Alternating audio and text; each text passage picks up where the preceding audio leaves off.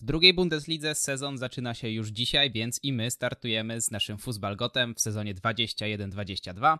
Ja nazywam się Krzysztof Bardel i wraz ze współprowadzącymi Maciejem Iwanowem i Kacprem Jagiełłą. Witam. Cześć.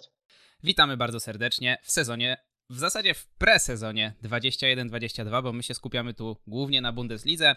No a ten odcinek y, poświęcimy, będzie dosyć długi, będziemy mieć kilku gości, no i poświęcimy go na e, omówienie tego, co nas e, czeka w drugiej Bundeslidze, która jest zdecydowanie najciekawsza w ostatni, od, od najciekawsza od lat. Wiele zespołów, które są bardzo zasłużone dla niemieckiej piłki, których wielu by powiedziało miejsce jest w Bundeslidze, mm, gości będzie teraz na zapleczu, dlatego szykuje nam się bardzo wyrównana i miejmy nadzieję bardzo emocjonująca, mm, e, emocjonujący sezon w drugiej Bundeslidze. Ten odcinek y, podzielony będzie na segmenty. Będziemy sobie rozmawiać mm, z gośćmi o e, klubach, z którymi sympatyzują. No i nie będzie on mocno płynny. Będziemy po prostu mm, przeskakiwać z jednego klubu na drugi. Myślę, że potrwać może ponad godzinę albo i dwie. Zobaczymy, jak to, jak to wyjdzie. A zaczniemy sobie od szalkę. E, ponieważ w oczekiwaniu na naszych kolejnych gości w czasie nagrania e, możemy odhaczyć ten temat, który wydaje się być jednym z najciekawszych w drugiej Bundeslidze w tym sezonie. E, Szalkę, które spadło, chciałoby się powiedzieć niespodziewanie, ale każdy, kto, kto śledził pierwszą Bundesligę w poprzednim sezonie, wie, że spadło bardzo spodziewanie, biorąc pod uwagę to, jak e, radziło sobie e, w sezonie 2021. E, dużo zmian, odeszło ponad 10 piłkarzy, ponad 10 przyszło, kilku jeszcze odejdzie. No i trzeba się zastanowić, na co to Szalkę w tym sezonie stać. Czy to jest murowany kandydat do awansu, czy to jest Bayern drugiej Bundesligi, tak jak niektórzy działacze klubu zapowiadali, czy raczej będzie tu postępująca HSV-izacja i Szalkę na dłużej zagościć będzie mogło na zapleczu Bundesligi, e, co jak wiadomo, e, no, korzystne nie jest, bo im mniejsze pieniądze, im mniejsze perspektywy na rozwój. Jak Szalkę zaplanowało powrót, y, jakich ma zawodników, czy kadra jest rozwojowa, czy raczej nastawiona na wynik tu i teraz? No i głos na początku przekażę Kacprowi właśnie. Może zacznijmy od tego, jak wygląda kadra Szalkę w tym sezonie, jako, na, na jakiej polityce transferowej, jak zdecydowały się władze Szalkę budować drużynę pod, y, jak się wydaje, szybki powrót do Bundesligi kadra wygląda bardzo dobrze i tak jak tutaj mówiłeś o spodziewanym spadku, e, to chyba najlepsze, co mogło się zdarzyć, że jak spadać, to może w takim stylu, który był ośmieszający i bardzo wstydliwy, ale jednak dawał sporo czasu na to, żeby przygotować kadrę na nowy sezon, a nie jak w przypadku Werderu spaść e, właściwie w ostatnim momencie i zostać z tym e, do teraz, że nie, nie wiadomo po prostu jeszcze jak ta kadra będzie wyglądać w nowym sezonie. W Szalkę przebiegało to w miarę sprawnie, bo już w zasadzie przed zakończeniem sezonu e, w Bundeslidze udało się podpisać kontrakty z kilkoma ważnymi zawodnikami. E, sprawy udało się w miarę szybko posprzątać, jeśli chodzi o, o to, kto odejdzie z klubu, no bo wiadomo było, że wszyscy wypożyczeni zawodnicy wrócą do swoich klubów. E, kontrakty na drugą ligę u takich zawodników, którzy tylko przebywaliby w klubie i trudno byłoby się ich pozbyć, też zostały rozwiązane. E, więc potrzeba było w zasadzie nowej drużyny, bo tutaj mamy 21 zawodników, którzy odeszli w stosunku do poprzedniego sezonu e, i została praktycznie sama młodzież wsparta Fermanem i Langerem. No właściwie to trzeba było budować wszystko od nowa i trzeba przyznać, że Rowan Schroeder, czyli nowy dyrektor sportowy, poradził sobie z tym całkiem e, dobrze, bo wszystko przebiegało bardzo sprawnie i można trochę narzekać, że może sporo zawodników około 30 pojawiło się w klubie, że trochę ta, ta kadra będzie przypominała oldboyów. No ale właśnie tego było potrzeba, bo jednak samą młodzieżą nie da się grać. Wielu kibiców pewnie ma, miało jakieś wyobrażenia, żeby tutaj próbować yy, powtarzać drogę Stuttgartu, no ale po pierwsze nie te możliwości finansowe, bo sytuacja jeszcze pod koniec poprzedniego sezonu wydawała się być bardzo ciężka. Mówiło się też o minusowych punktach, które potencjalnie Szalkę może, e, może otrzymać w drugiej lidze. No, ostatecznie do tego raczej nie dojdzie, albo nawet na pewno. Więc e, kadrowo na ten moment wygląda to, to bardzo dobrze i pod względem pierwszej jedenastki naprawdę można mówić, że to jest drużyna, która jest gotowa walczyć o pierwsze dwa miejsca i bezpośredni awans do Bundesligi i też jest wsparta wieloma bardzo młodymi zawodnikami, którzy mają duży potencjał do rozwoju. Może jedyne czego brakuje to jednak takich zawodników w wieku 25-26 lat, czyli takich, którzy dadzą jakoś tu i teraz na poziomie drugiej Bundesligi, ale i po awansie mogliby jeszcze coś wnieść, bo jednak tacy zawodnicy jak Terode, mm, Palson czy Drexler są bardzo mocni na drugą ligę, ale też e, w ich przypadku pierwsza liga może się okazać znowu za, za wysokimi progami, ale też kontrakty na szczęście są zbudowane w ten sposób, że przeważnie są to dwuletnie umowy, e, też z możliwością przedłużenia e, dalszego, jak w przypadku Kamińskiego. Więc tutaj nie ma obaw o to, co będzie po awansie. E, gorzej będzie z tym, jeżeli nie uda się awansować przez następne 2-3 lata, no to może zacząć się e, większy problem, ale na razie wygląda to optymistycznie, jeżeli chodzi o sam, sam kształt kadry. I może HSV wygląda bardziej, moim zdaniem, kadrę ma bardziej rozbudowaną i szeroką, gdzie zawodnicy są na, na pozycjach o podobnym poziomie.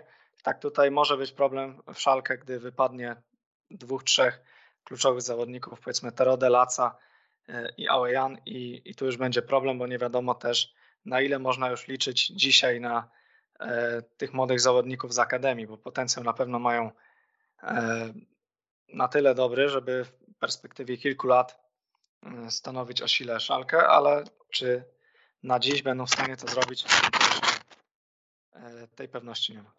No ja kończąc ten wątek, małą ściągawkę sobie przygotowałem. Ostatnio rozpisałem sobie wiek y, pierwszego składu Szalkę, no i wygląda to tak, że jest Ferman 33-letni, Uwe Jan 25-letni, Kamiński 29, Tio 20, Becker 24, chociaż tu być może będzie grał nieco młodszy mm, Flick, Ranftl 29, Palson 30, Latza 32, Drexler 31, Bülter 28, Terode 33.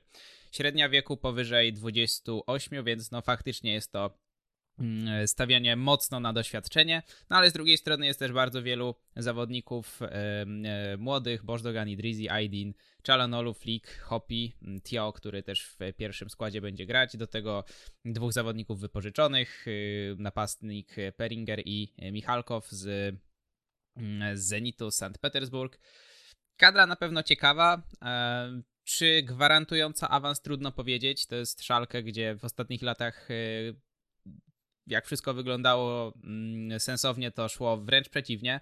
Więc tutaj trudno oferować wyroki. Myślę, że żaden z naszej trójki się mm, nie pokwapi, żeby powiedzieć, że Szalkę to jest pewniak do awansu.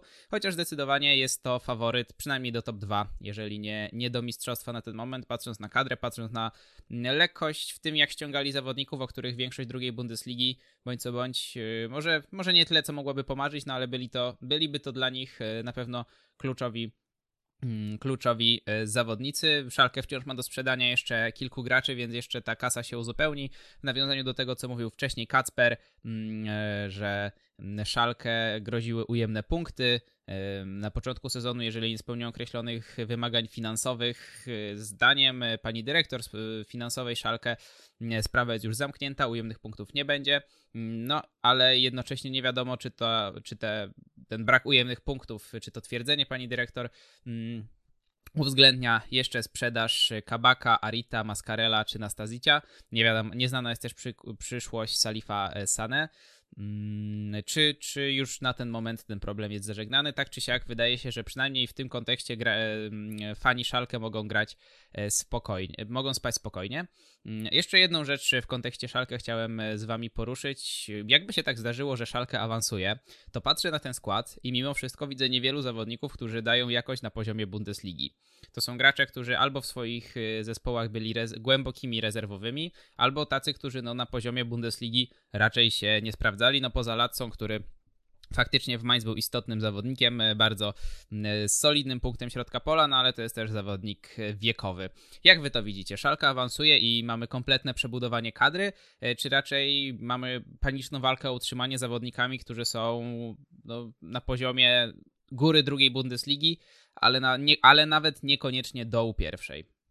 No też trudno powiedzieć, bo różne jest podejście różnych drużyn po awansie też E, na przykładzie Arminii można powiedzieć, że podobnym składem jak w drugiej lidze można się utrzymać przy różnych innych sprzyjających okolicznościach, a też może jak Union trzeba wymieniać cały czas kadrę, e, wprowadzać świeżą krew i nie przywiązywać się do tego, co jest obecnie, e, bo młodzi zawodnicy na pewno będą dostępni też na kolejny sezon.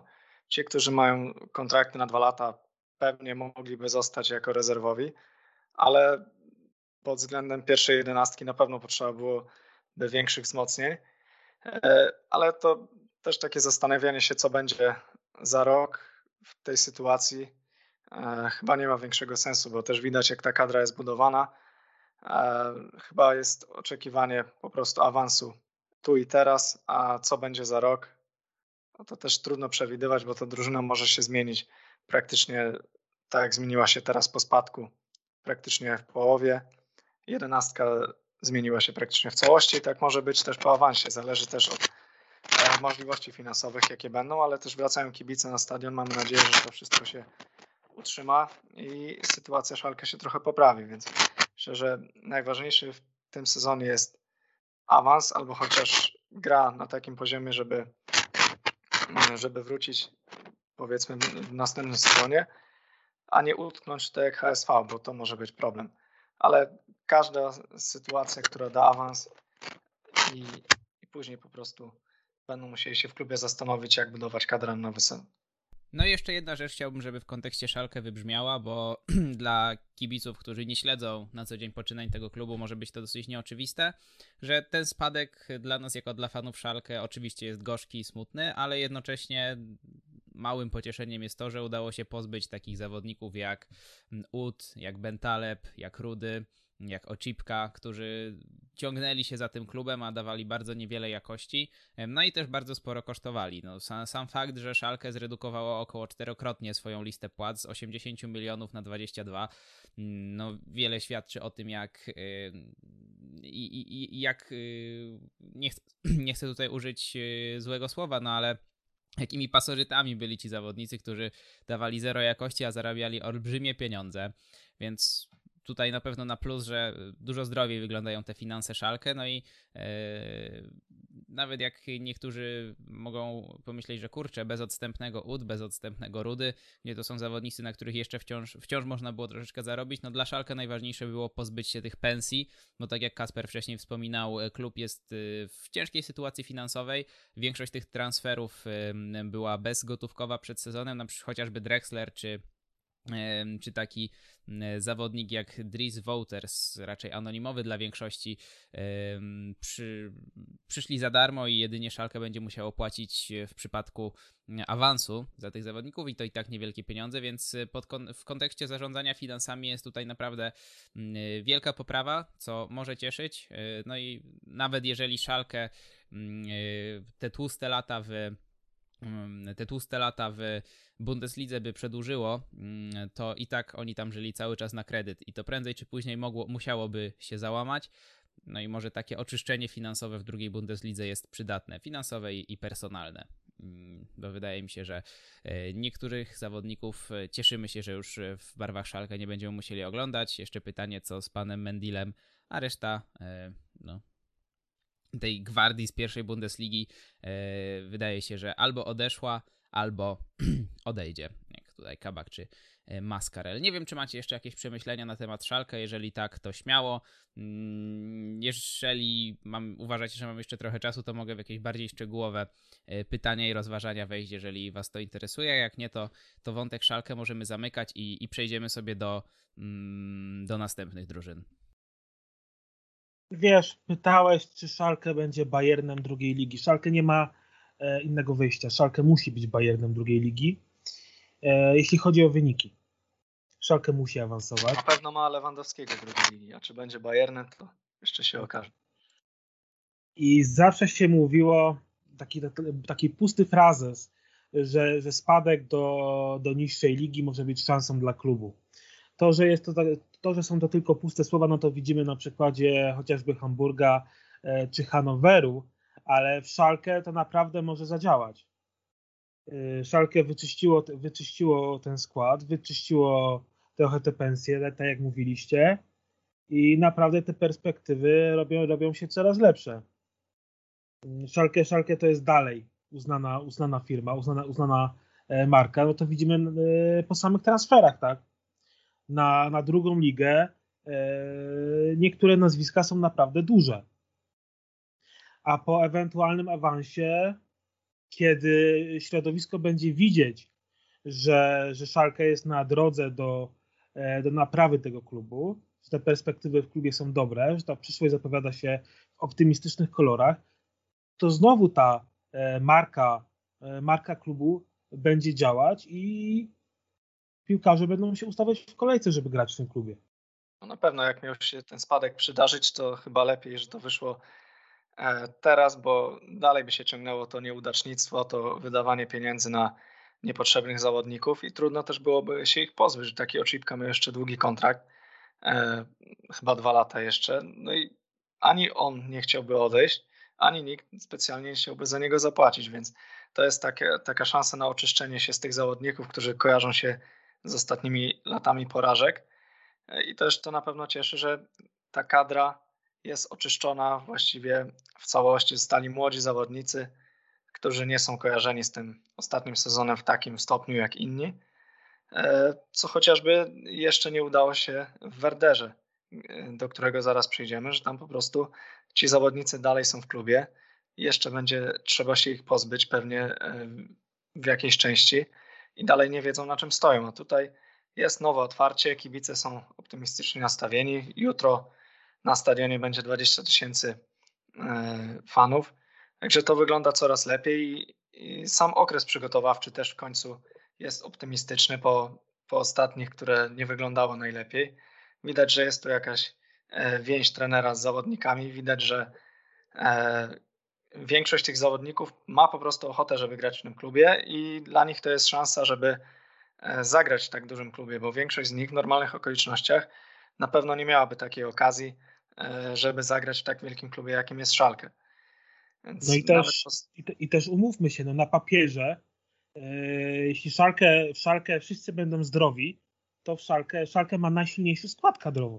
No, znaczy ja to odbieram tak, że ma najsilniejszą jedenastkę, a co do kadry, to trochę tutaj widzę niewiadomych, bo nie wiadomo jeszcze jak ci młodzi zawodnicy. Ja dlatego czy, mówię, że jeśli, że jeśli wszyscy będą zdrowi, tak, jeśli nagle nie przydarzy jakaś, jakaś plaga kontuzji, to ja sobie nie wyobrażam, żeby Szalkę nie awansowało. No tak, no bo po, po samym Terodę można oczekiwać, że tutaj 20 bramek plus, jeżeli on się zatrzyma i przestanie strzelać w Szalkę, no to znaczy coś faktycznie jest jakaś klątwa nad tym klubem bo no, naprawdę tutaj są zawodnicy, którzy mają jakość, nawet widać po tym, że Laca, y, który mógł pewnie dalej grać sobie w Mainz, był tam kapitanem, przechodzi jednak do Szalkę, wraca po latach, żeby móc pomóc y, w awansie klubowi, czy taki Awejan, który był swego czasu dużą nadzieją Holandii na, y, na grę na lewej obronie nawet w reprezentacji, a tutaj przychodzi na wypożyczenie z opcją wykupu do Szalkę drugiej ligi.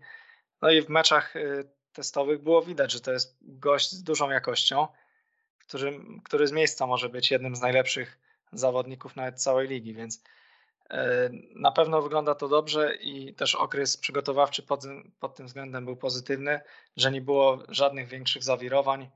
E, praktycznie od początku kadra e, była skompletowana przed wyjazdem na obóz, dochodziły tylko jeszcze chyba 3-4 nazwiska, ale, ale to jest normalne, że jeszcze w trakcie pojawiały się jakieś nowe opcje. Wyniki były dobre, gra też była e, niezła, można powiedzieć, że mm, nie było kontuzji przede wszystkim pierwszy raz od, od wielu lat i tylko w ostatnim czasie wypada Ferman, ale też na, pewnie na mecz lub dwa, więc tutaj żadnych większych problemów e, Gramozis nie ma jeżeli to wypali, no to faktycznie możemy oglądać w końcu szalkę, które będzie dominowało lidze, bo, bo tego musimy oczekiwać. No nie będzie tutaj chyba wymówek. No wszystko wygląda na razie dobrze. Mam nadzieję, że to się uda i, i też cieszy mnie, że został trener na swoim stanowisku, że nie było znowu jakichś głupich ruchów yy, i wyrzucania trenera po, po krótkim okresie pracy, bo to już było niepoważne i, i żaden normalny trener nie przyszedłby później już do klubu, jeżeli widziałby, jak to się traktuje trenerów. No a jeżeli mógłbym ponarzekać, to jedyne co mi w tym szalkę nie pasuje to defensywa. Mimo wszystko wyjściowym ustawieniem ma być trójka z tyłu.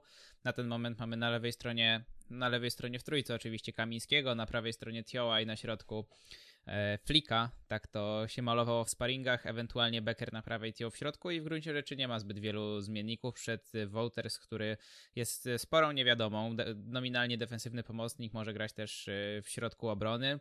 Flick to też jest zawodnik, który się wybił niedawno i e, no, nominalnie defensywny pomocnik, który jest przestawiany na tego centralnego defensora łączącego jakby pozycję szóstki z, ze środkiem obrony. No i wyobraźmy sobie teraz, że zdarza się kontuzja Kamińskiego, nie mamy lewonożnego stopera w kadrze moim zdaniem. Mm, no, jest Wouters, także tutaj też nie jest tak źle. No, no tak, ale to jest mimo wszystko bardzo, bardzo wąska, y, bardzo wąskie y, pole manewru dla trenera. Nie ma zbyt wielu zmienników. Y, poza tym Woutersem w gruncie rzeczy może, no powiedzmy, że jest ten Wouters i Flick, a poza tym mamy jedną obronę, a obaj są defensywnymi no tak, pomocnikami. ale jeszcze Palson może zagrać na, na środku.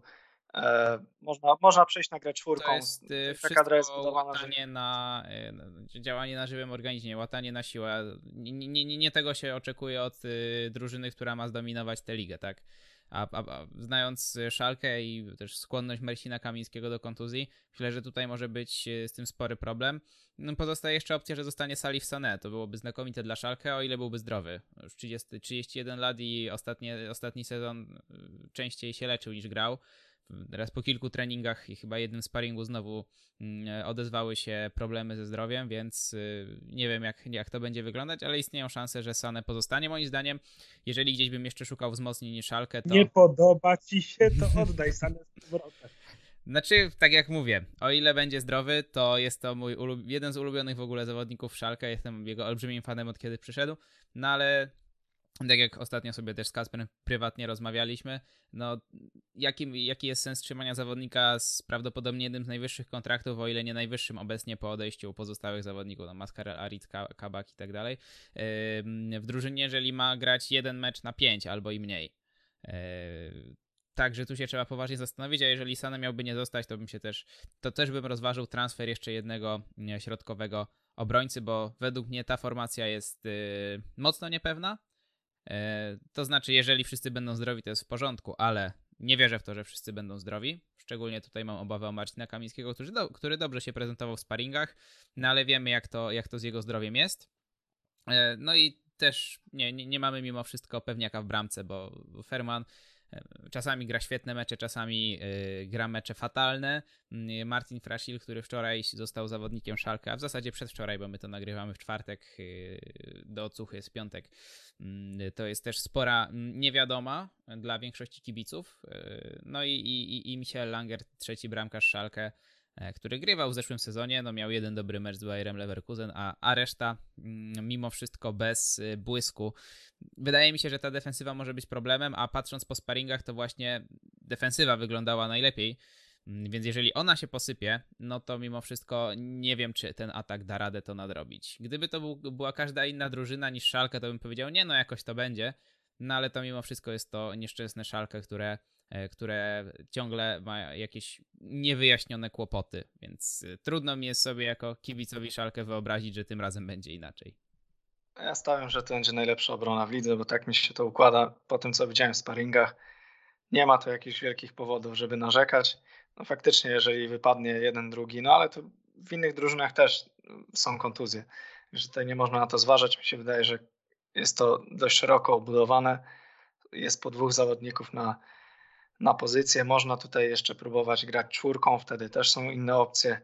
Więc jakoś o obronę bym się nie martwił i też ta pomoc jest tak, tak zbudowana, żeby to zabezpieczać. Więc Palson zawsze jest tym zawodnikiem, który będzie to wszystko mógł jeszcze zabezpieczyć. Także tutaj nie widzę jakichś większych problemów. No i myślę, że tym wątkiem możemy zamknąć temat Szalkę. E, wydaje mi się, że w miarę szczegółowo udało nam się w to w, w tym czasie omówić, biorąc pod uwagę, że e, nagrywamy około 20 minut ten fragment, a moglibyśmy jeszcze gadać i gadać. E, no i przejdziemy za sobie za chwilkę do drugiego ze spadkowiczów, czyli Werderu Brema. Tak jak mówiłem, witamy w kolejnej części, gdzie rozmawiać będziemy z Dominikiem Kanią, fanem Werderu Brema. Witamy Cię.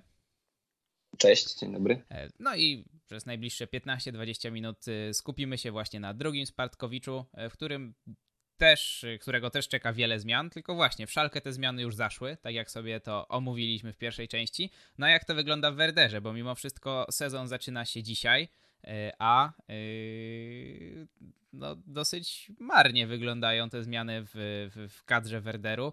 Dyrektor sportowy mówi o tym, że czeka nas jeszcze Was w gruncie rzeczy jeszcze ponad 10 transferów, y, wielu zawodników, którzy prawdopodobnie mm, odejdą, wciąż nie znaleźli klubów. Y, jak ty to widzisz? Bo Werder obok Szalkę no, powinien, jest, jest marką, od której oczekuje się y, walki o awans od razu po tak niefortunnej sytuacji, jaką był spadek. No a tutaj wydaje się, że wszystko jest jeszcze w proszku. E, tak, rzeczywiście. To jest e, zupełnie odmienna sytuacja do tej, którą możemy zaobserwować w Szalkę. Ja zawsze na pytanie, jak tam w Werderze, co tam słychać w Bremie, odpowiadam, że w Bremie to jest taka budowa, e, na, której, na którą już zakupiono część maszyn, ogrodzono teren, postawiono tabliczki, ale tak naprawdę jeszcze nie uporządkowano tych starych ruin i starych budynków, które najpierw trzeba zniszczyć i zrujnować, wyrównać cały plac y, do zera. Sytuacja wygląda dokładnie tak, jak y, przedstawiłeś, to znaczy w przeddzień meczu numer jeden z Hanowerem szykuje się jeszcze od 15 do 20 transferów. Tu cytując dyrektora sportowego Franka Baumana, bo on tyle zapowiedział do końca sierpnia, do końca okienka e, transferowego. Nie powiedział e, w jakich proporcjach to będą transfery wychodzące z klubu czy przychodzące do klubu. E, no ja tylko znając Franka Baumana i sytuację materialną klubu mogę sobie gdzieś tam przypuszczać, że jednak więcej zawodników z klubu odejdzie. No bo jeśli spojrzymy sobie teraz y, na kadrę Werderu, to ona jak na drugą Bundesligę jest całkiem silna. Tak naprawdę y, z y, drużyny odszedł tylko Milot Rashica, co w sumie patrząc na jego dyspozycję w ostatnich miesiącach nawet paradoksalnie może być wzmocnieniem Werderu. No i oczywiście nie ma też Teodora Gebre Selassie, który już wcześniej mówił, że karierę będzie kontynuował e, w Czechach. Odszedł Nikas Moisander, to też było planowane. No i e, powrócił na całe szczęście z wypożyczenia do Herty Davy Zelke. E, zamienił Bremę na kill Patrick Erras. I to by były te ubytki, które, e, które w Bremie zaszły. Nie ma tego więc zbyt wiele. Jest jeszcze całkiem kilka ciekawych nazwisk cały czas w kadrze, ale tak jak mówię, kadra, o której my dzisiaj mówimy, to na pewno nie będzie kadra, która ten sezon będzie kończyć. To będzie jeszcze, tak jak wspomniał Bauman, od 15 do 20 roszad. No to jest bardzo dużo to jest ponad e, połowa, także trudno tutaj w ogóle mówić e, e, o tym, jakie szanse Werder jakie szanse Werder w tym sezonie ma. Trudno o jakieś prognozy. Natomiast było tutaj odniesienie do Szalkę. Ja wspomniałem o tym, że ta strategia jest zupełnie inna, bo w Szalkę zdecydowanie więcej ruchów i zdecydowanie szybciej do działania, do sprzątania przystępowali. To być może też wynika z tego, e, że Szalkę tym spadkowiczem zostało ciut szybciej niż, e, niż Werder. No w Bremie na pewno wiemy, że zostaje Frank Bauman, że we wrześniu będą nowe wybory do Rady Nadzorczej. Cała czwórka e, tego zarządu, między innymi z taką najbardziej rozpoznawalną postacią, czyli Marco Bode, nie będzie w tych wyborach startować. No i jest też nowy trener, nowy trener, nowy początek, Markus Anfang, no i to wiemy. Natomiast y, to, co też jest y, jeszcze pewne w Bremie, to to, że tam raczej wdrażany będzie taki plan dwuletni. Tam raczej nie będzie ciśnienia na awans od razu, no właśnie przez wzgląd na to, że tak naprawdę w dzień rozpoczęcia sezonu szykuje się jeszcze od 15 do 20 zmian e, w e, kadrze. Te zmiany oczywiście podyktowane trochę biernym rynkiem transferowym ogólnie w Europie, także w Niemczech, no i też oczywiście sytuacją związaną z europejskimi pucharami i przedłużającymi się po Mistrzostwach Europy y, urlopach. No i tak jak nawet y, sobie odwiedzałem przed naszą rozmową ankiety i, i, artykuły na Weser Kurier, to, to jest taka gazeta najlepiej poinformowana o tym, co się w Bremie wokół e, Werderu dzieje, no to tam nawet w tych ankietach takich, e, gdzie można głosować e, online, nawet większość kibiców, i to tak w proporcjach 60 kilka procent do 30 kilku, raczej nie spodziewa się, żeby Werder wrócił do Bundesligi już w tym pierwszym sezonie. Patrzę sobie na ostatnie mecze Werderu, sparingowe, chociażby dwa z Feyenoordem i mimo wszystko widzę wielu zawodników, których podejrzewałbym o to, że e, w Werderze na przyszły sezon nie zostaną. Jak ty to widzisz? Bo są tutaj tacy zawodnicy jak Bittencourt, jak na przykład Sargent, jak Toprak, którzy nawet jeżeli poziomem by pasowali do drugiej ligi, chociaż też myślę, że każdy z nich bez problemu znalazłby klub w pierwszej Bundeslidze, no to mimo wszystko są prawdopodobnie sporym obciążeniem dla budżetu klubu. Jak ty to widzisz? Czy to są zawodnicy, którzy zostaną, czy odejdą i jak w ogóle oceniasz przygotowania Werderu do tego sezonu, skoro w gruncie rzeczy wszystkie mecze sparingowe, wszystkie jednostki treningowe były z inną grupą ludzi niż ta, która sezon, mm, mimo, która sezon będzie kończyć, która no, przez jakieś 80% tego sezonu będzie grać, no bo chcąc nie chcąc e, Werder będzie musiał w obecnym składzie e, sezon e, rozpocząć. No właśnie, to zacznę od tych nazwisk, które e, wymieniłeś i tutaj na pewno do kilku transferów dojdzie, bo z tych moich e, obliczeń wynika, że Weder potrzebuje jeszcze około 20 milionów euro do tego, żeby zasypać dziurę budżetową. Mówię tutaj o tym, co, jakie informacje pojawiały się przed zakończeniem sezonu. Dodałem już oczywiście te przychody, które wygenerował Milot Rashica według informacji. No i tutaj jeszcze gdzieś brakuje tych 20 milionów, które które Werder by potrzebował. Josh Sargent, za niego oferty już e, były i z Premier League, i z Bundesligi, tam między innymi e, Leverkusen czy Stuttgart e, byli zainteresowani. W Leverkusen bodajże jest człowiek, który, który prowadził Sargenta jeszcze w Stanach Zjednoczonych, czy, czy tam mu się przyglądał. Natomiast no tutaj twardo Bauman chce minimum 10 milionów za Josha Sargenta. Natomiast myślę, że ten zawodnik opuści, y, opuści Werder. Myślę, że prędzej znajdzie się chętny na niego niż na rywala na tej pozycji numer 9, czyli Niklasa y, Fylkruga.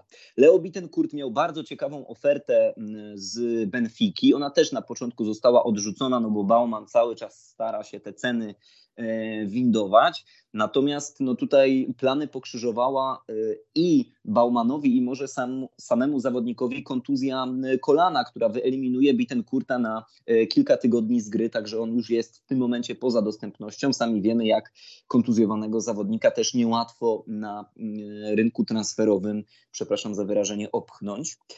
Na pewno wydaje mi się, że odejdzie inaczej. Na pewno odejdzie Ludwik Augustinsson, który dopiero gdzieś tam powraca z tego urlopu po euro.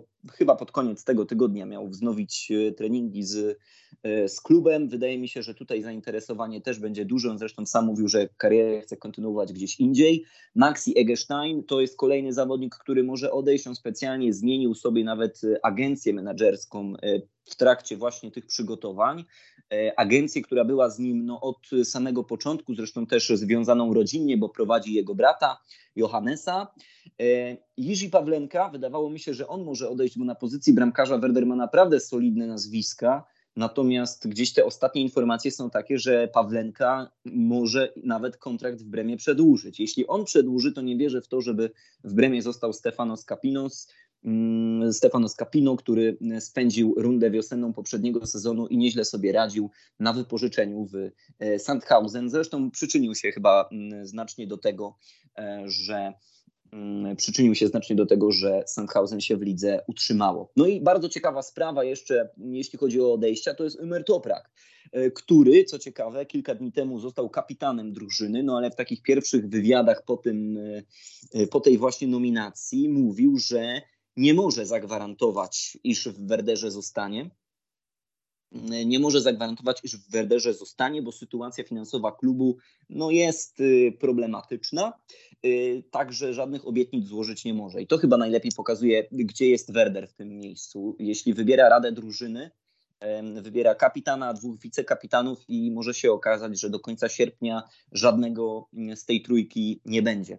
E, a no to Prag jest jednym z najlepiej zarabiających y, zawodników w Werderze. W Bundeslidze dostawał 4 miliony euro. Frank Baumann twierdzi, że w kontraktach każdego zawodnika był zapis o redukcji zarobków w przypadku spadku i to trochę ratuje Werder i pozwala jeszcze na utrzymywanie tych zawodników. No ale ile, no to nie jest kwestia otwarta. A co do przygotowań, przygotowania odbyły się tak jak praktycznie każde, w ogóle człowiek nie odczuwał, że to jest drużyna Spadkowicza do drugiej Bundesligi, bo znów Werder był w austriackim Zillerta, znów świetnie tam przyjęty przez miejscową publiczność, trochę sparingów, całkiem niezłe wyniki, bo to remis i z Zenitem e, i całkiem niezłe mecze z Feyenoordem, natomiast to też drużyny trochę w innych momentach e, przygotowań. Koniec końców ja się cieszę, że w tych przygotowaniach e, szanse dostali, dostało bardzo dużo młodych zawodników, e, albo przesuniętych z drugiej drużyny, albo tych, którzy wrócili z wypożyczeń i to w nich też e, upatruję taką szansę na przyszłość Werderu, że kilka nazwisk się tam ciekawych pojawi, no, na których będzie można w przyszłości, nie ukrywajmy, nieźle zarobić. Ja mam pytanie o Tomasa Szafa.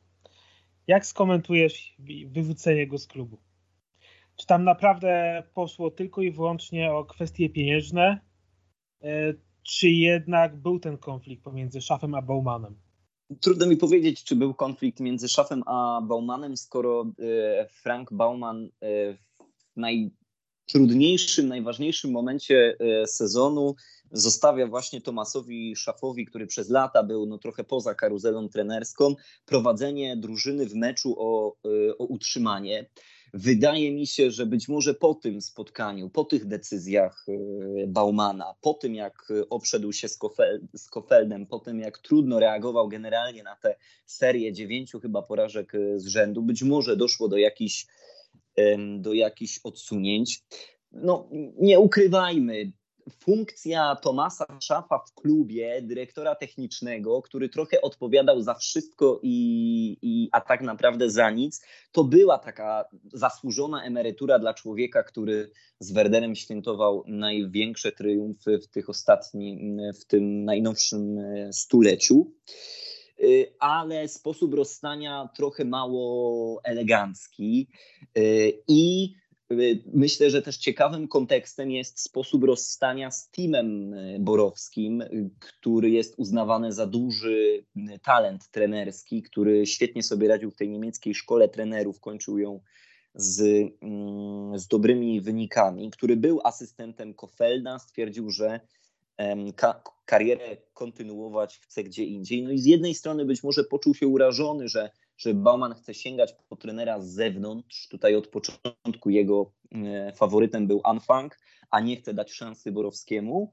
A z drugiej strony być może właśnie sytuacja z Tomasem Szafem, z ludźmi, e, którzy w tym klubie są obecni dłużej, no gdzieś zaczęła, gdzieś zaczęła się nie podobać właśnie Szafowi czy Borowskiemu. Natomiast z drugiej strony, no, można wszystko o Werderze powiedzieć, ale to nie jest raczej klub, który nie szanuje swoich y, legend. Ja myślę, że nawet to jest jedną z głównych przyczyn obecnej sytuacji Werderu, y, a więc takie zbytnie zaufanie do, do takiej naszej zielono-białej rodziny i, i trochę obracanie się tylko i wyłącznie we własnym gronie.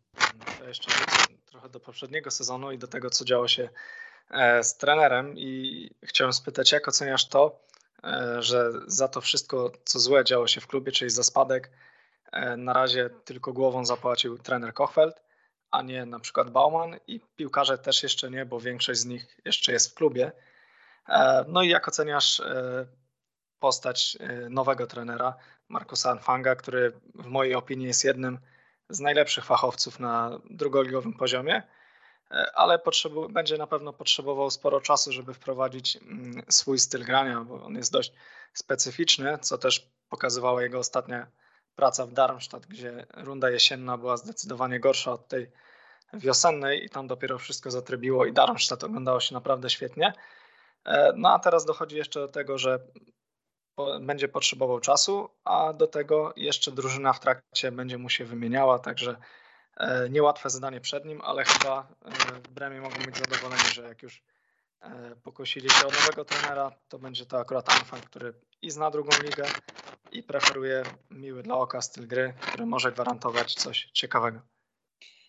To idąc e, po kolei, zacznę od Kofelda. Moim zdaniem on poniósł odpowiedzialność zdecydowanie e, zasłużenie, natomiast w najgorszym z możliwych e, momentów, przed ostatnim meczem, po 33 kolejce. Tam było szereg innych dat, w których powinno się zmienić trenera, którym powinno się wyciągnąć rękę po sprawdzonego strażaka.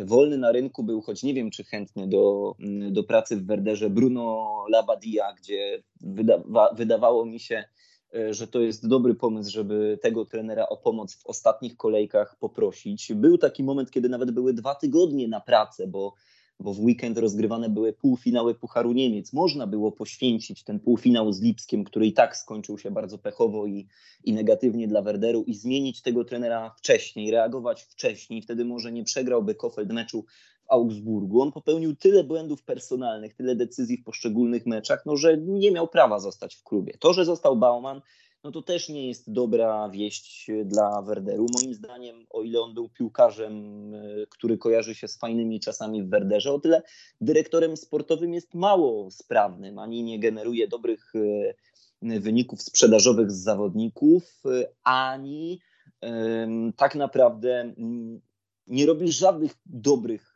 transferów do, do Werderu. No przykład, ściąga Patryka Errasa z Norymbergi na poprzedni sezon, po czym w decydujących kolejkach okazuje się, że przywołany z emerytury z kilkoma kilogramami nadwagi Filip Barkfrede jest lepszy od tegoż to Errasa i to on w tych najważniejszych meczach dla Werderu wchodzi na boisko na pozycję defensywnego e, pomocnika. No i trzecie nazwisko, które się pojawiło, Anfang, moim zdaniem to też jest dobry wybór. To jest po pierwsze trener, który cały czas jeszcze ma taką indywidualną e, mobilizację do tego, żeby dojść do tej pierwszej Bundesligi, bo on cały czas powtarza, że chce być tym trenerem ekstraklasowym, a jeszcze wiemy, że że tam wielu tych, że tam jeszcze tej przygody nie rozpoczął.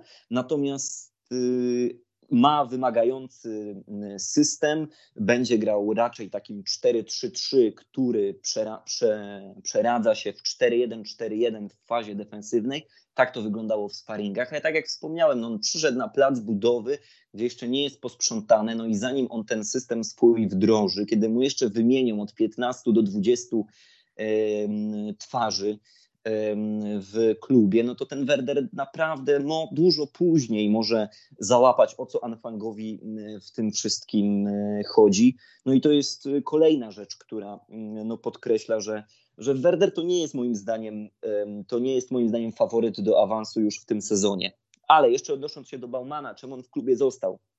Można tutaj, i to też muszę oddać, że Rada Nadzorcza zachowała się może poniekąd, może poniekąd fair, poświęcając trochę ten sezon 21-22, jakby z całą odpowiedzialnością powiedziała, że nie zmieni teraz dyrektora sportowego, bo we wrześniu zostaną przeprowadzone wybory do Rady Nadzorczej. No i nie jest wykluczone, że tak samo jak Bauman wymieni od 15 do 20 zawodników do końca sierpnia, tak samo i jego wymieni Rada Nadzorcza, kiedy pojawi się nowy czteroosobowy skład i Werder nie dość, że będzie kończył e, ten sezon ze zrewolucjonizowaną kadrą, to jeszcze z innym dyrektorem e, sportowym. No e, i tak to w tej bremie skomplikowanie wygląda. No cóż, uprzedziłeś moje ostatnie pytanie e, o to, czy skoro powiedziałeś o planie dwuletnim, to czy nie liczysz już na awans Werderu od razu teraz?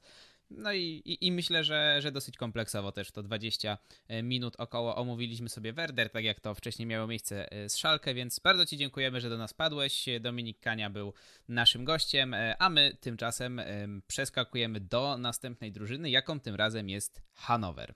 Tak jak powiedzieliśmy, przechodzimy teraz do Hanoweru 96, y, czyli scena y, i mikrofon y, idą do Maćka, który nam opowie wszystko o drużynie, która zdaniem Neururera będzie miała drugie miejsce na koniec sezonu. Podzielasz zdanie pana trenera?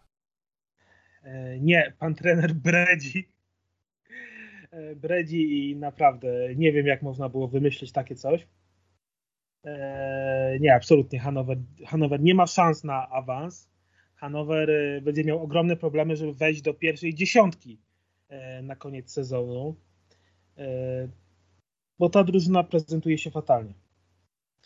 E, no ale to, to, nie jest nic nowego w Hanowerze, tak? Tutaj można by zażartować, że Martin Kind i wszystko jasne.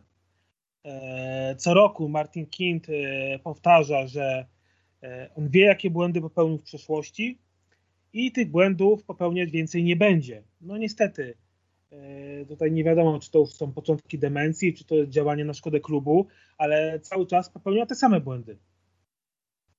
Zacznijmy, zacznijmy może od postaci trenera. E, nie wypalił, e, nie wypalił eksperyment z Tomasem Dolem, nie wypalił eksperyment, taki no, nostalgiczny powrót do, do, do czasów Mirko Slomki. No, trudno, trudno się dziwić. E, nie wypalił naprawdę obiecujący projekt z Kenanem Koczakiem.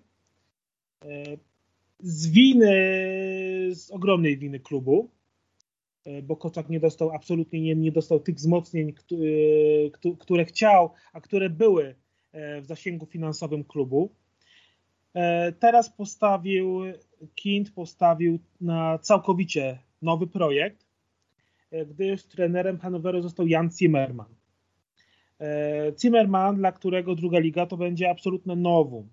Jego największym sukcesem, i to w zeszłym sezonie, jest awans do trzeciej ligi z TSV Havelse, które wygrało po barażach E, z mistrzem e, bawarskiej regionaligi. Co ciekawe, Haverse będzie grało swoje spotkania domowe na stadionie Hanoweru. E,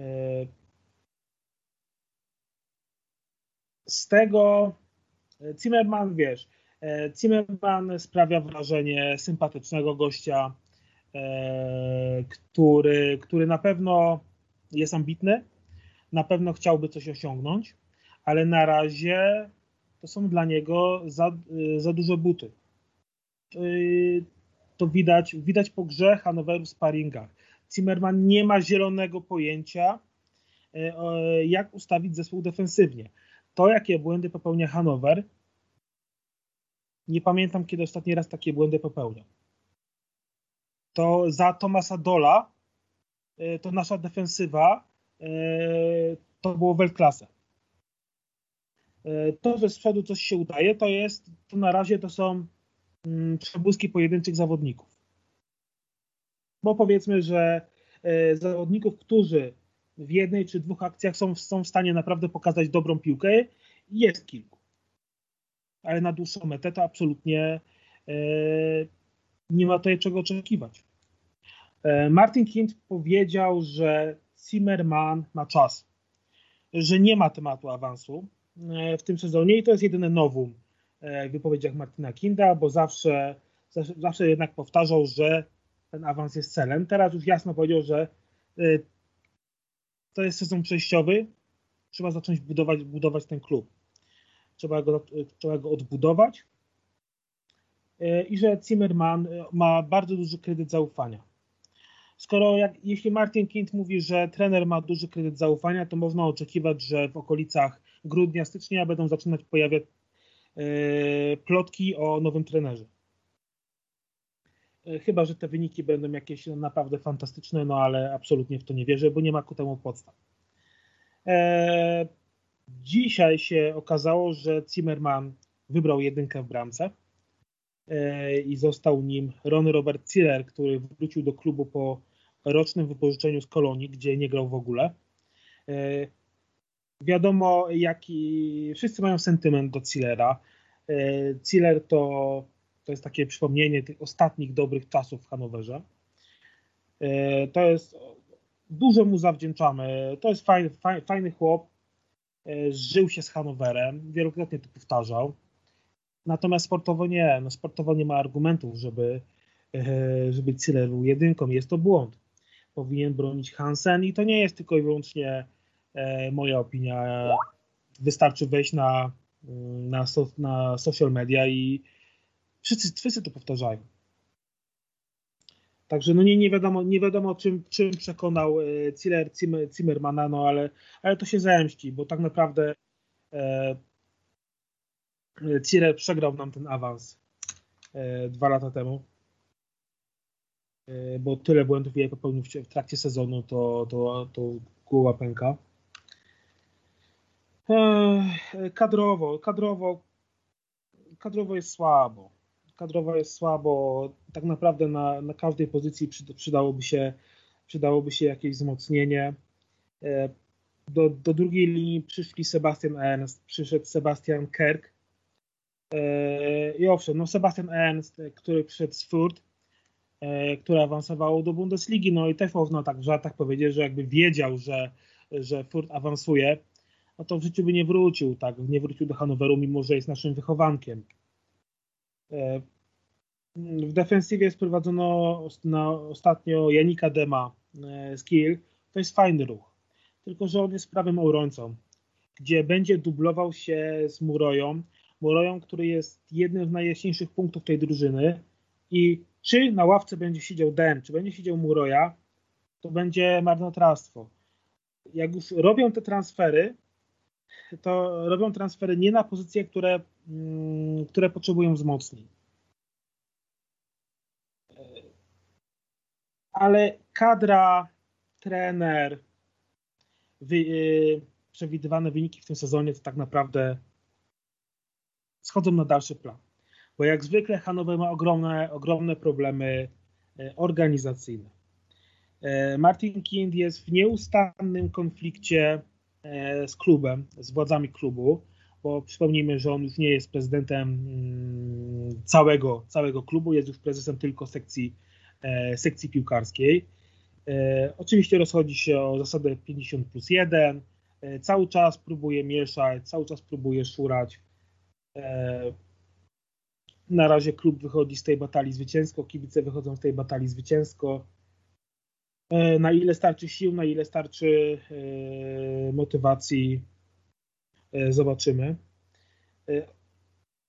Mm, oczywiście nie Martin Kings nie byłby sobą, gdyby nie miał sprawy w sądzie.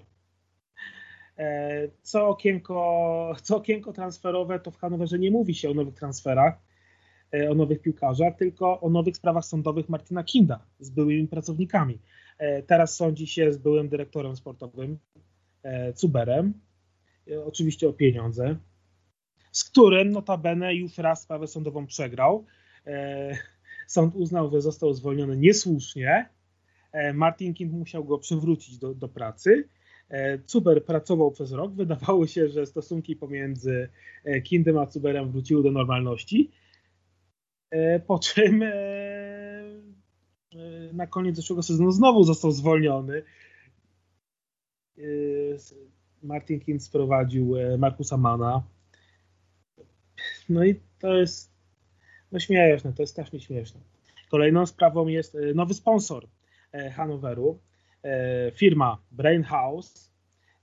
To jest spółka córka mm, firmy Von Invest, który, który jest głównym sponsorem Werderu Brema.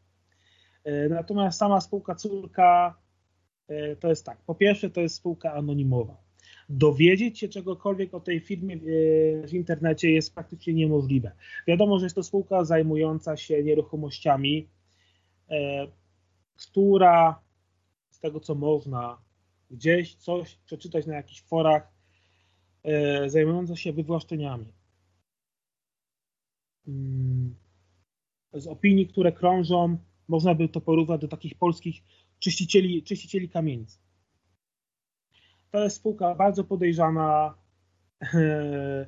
i to, że podobno postawiła lepsze warunki niż Hanower miał przy Heinz von Heidenie, no nie chce mi się w to wierzyć. Wszyscy żartują, że Hanower powinien wziąć pieniądze z góry, bo inaczej nie, nie zobaczy ani centa.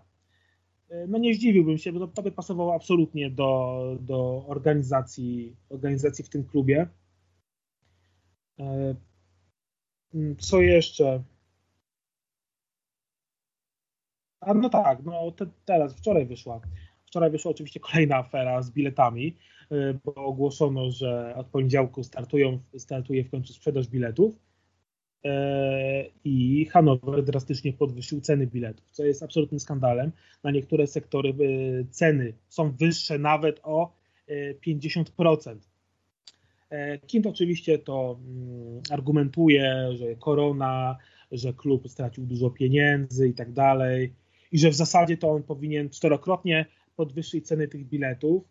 E, no każdy to rozumie, że jest korona i wszystko, ale Hanower sam prosił, e, kiedy w sezonie 19-20 zaczęła się pandemia, to praktycznie 90% karnetowiczów E, zrzekło się zaległych pieniędzy za nierozegrane spotkania.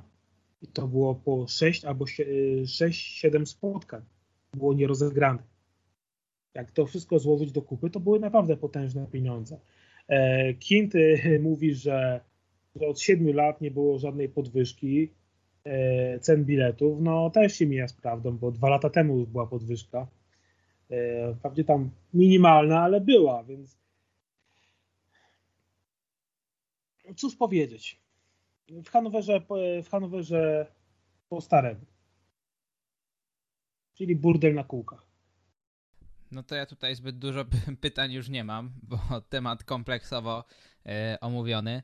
Wydaje mi się, że najciekawszy, przynajmniej z mojej perspektywy, w tym Hanowerze jest cały Jan Zimmerman, który nie wiem, co motywowało, yy, co motywowało władze Hanoweru przy zatrudnieniu tego Ja ci trenera. powiem, ja ci powiem, czy, co motywowało. E, motywowało to, że on ma dom tutaj niedaleko i nie trzeba będzie mu nic wynajmować, nie? No ale I... to naprawdę brzmi abstrakcyjnie, bo pamiętam, że w momencie, gdy go zatrudniali, to dwa dni wcześniej były informacje, że są um, zaawansowane negocjacje z, z, z Baumgartem. Były, były. Były, były, były negocjacje z Baumgartem i sam Baumgart, e, były plotki o tym, że Baumgart już szuka, szuka, szuka tutaj domu. Baumgart był praktycznie dogadany z Hanowerem. Dlaczego, e, dlaczego to nie wyszło? E, nie wiadomo powiedzmy, że potencjał Kolonii i Hanoweru przy normalnym zarządzaniu jest podobny. Hanower, gdyby Martin Kind chciał, naprawdę chciał, Hanower w jeden sezon jest w Bundeslidze z powrotem. Ale tutaj trzeba chcieć. Tutaj trzeba chcieć. Martin Kind ciągle narzeka, że on musi zasypywać e, dziury finansowe, e, że on musi spłacać długi klubowe. Ale czyja to jest wina? Ryba się psuje od głowy.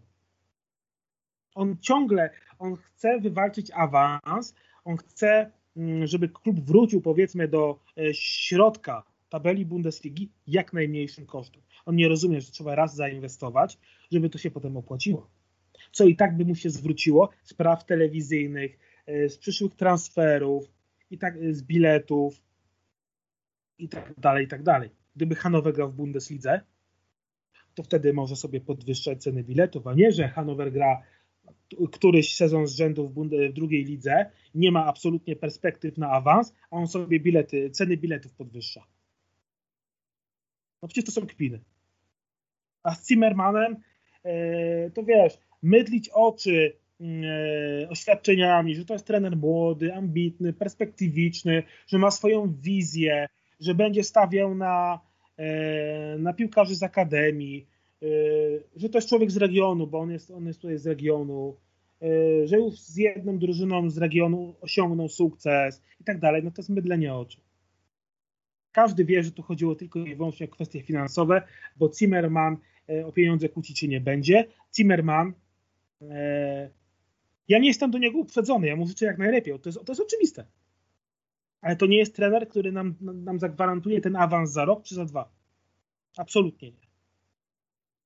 W tej, w tej, tutaj zadecydowały wyłącznie te kwestie finansowe, bo Zimmerman yy, to już naprawdę on by Kinda po tyłku całował za to, że dostał tą szansę w drugiej lidze. Bo, bo nikt by mu tej szansy w drugiej lidze nie dał. Tylko Hanower. A tutaj potrzeba trenera doświadczonego, yy, takiego emocjonalnego lidera w szatni, który tę drużynę jest w stanie pociągnąć. I Baumgart był idealnym kandydatem. Każdy to mówi. A, a już tak zupełnie kończąc y, temat Hanoweru, bo przechodzimy sobie za chwilkę do następnej drużyny, y, nie mniej emocjonującej. Y, chciałem Cię dopytać o jednego zawodnika, na którego no, ostrzyła sobie, ostrzyły sobie zęby drużyny i z czołowe z drugiej ligi i z Bundesligi, mianowicie o Lintona Maine, który chyba troszeczkę przygasł w ostatnim czasie, a zapowiadał się na no, sporego kozaka. Eee, tak, to jest, to jest tak zwane złote dziecko Hanoweru tylko on tym złotym dzieckiem Hanoweru jest od kilku sezonów e, i faktycznie ma umiejętności ponadprzeciętne i on by spokojnie już był w innym klubie e, w Bundesliga. Zresztą on był praktycznie dogadany z Wolfsburgiem, tylko zdrowie.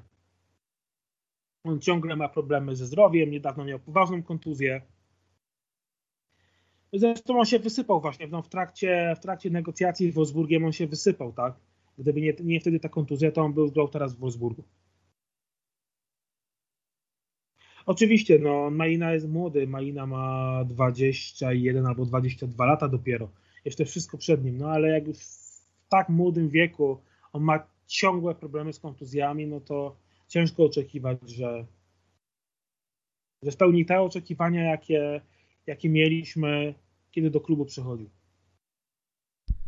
No i myślę, że szczególnie po tej twojej długiej wypowiedzi na początku możemy zamykać temat y, Hanoweru. E, Maciej Iwanow e, wziął na klatę w zasadzie e, całość Hanoweru mm, i my się, my kończymy ten wątek przechodząc do HSV. Mm, także do usłyszenia za momencik. Raz, dwa, trzy, cztery. Czwarta drużyna dzisiaj to HSV. Jest z nami Krzysiek Tkaczek. Witamy Cię.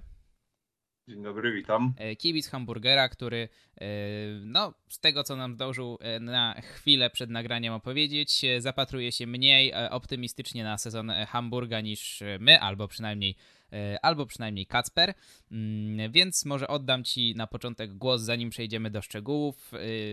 Możesz po prostu powiedzieć, jak, jakiego sezonu się spodziewasz, no bo już y, rokrocznie można by powiedzieć, że, ten, y, że to HSV jest faworytem do awansu, rokrocznie się nie udaje. No i pytanie do ciebie, czy spodziewasz się, że i w tym roku tak będzie, czy już straciłeś wszelką nadzieję? Spodziewam się, y, że HSV będzie o awans początkowo walczyć, jednak im dalej w sezon, tym strata do miejsc gwarantujących bezpośredni awans, czy to też e, walkę w barażu z e, pierwszoligowcem się będzie oddalać. E, przede wszystkim mm, Hesło nie ma takiej kadry, jaką mógłby się powszczyżyć chociażby Szalkę.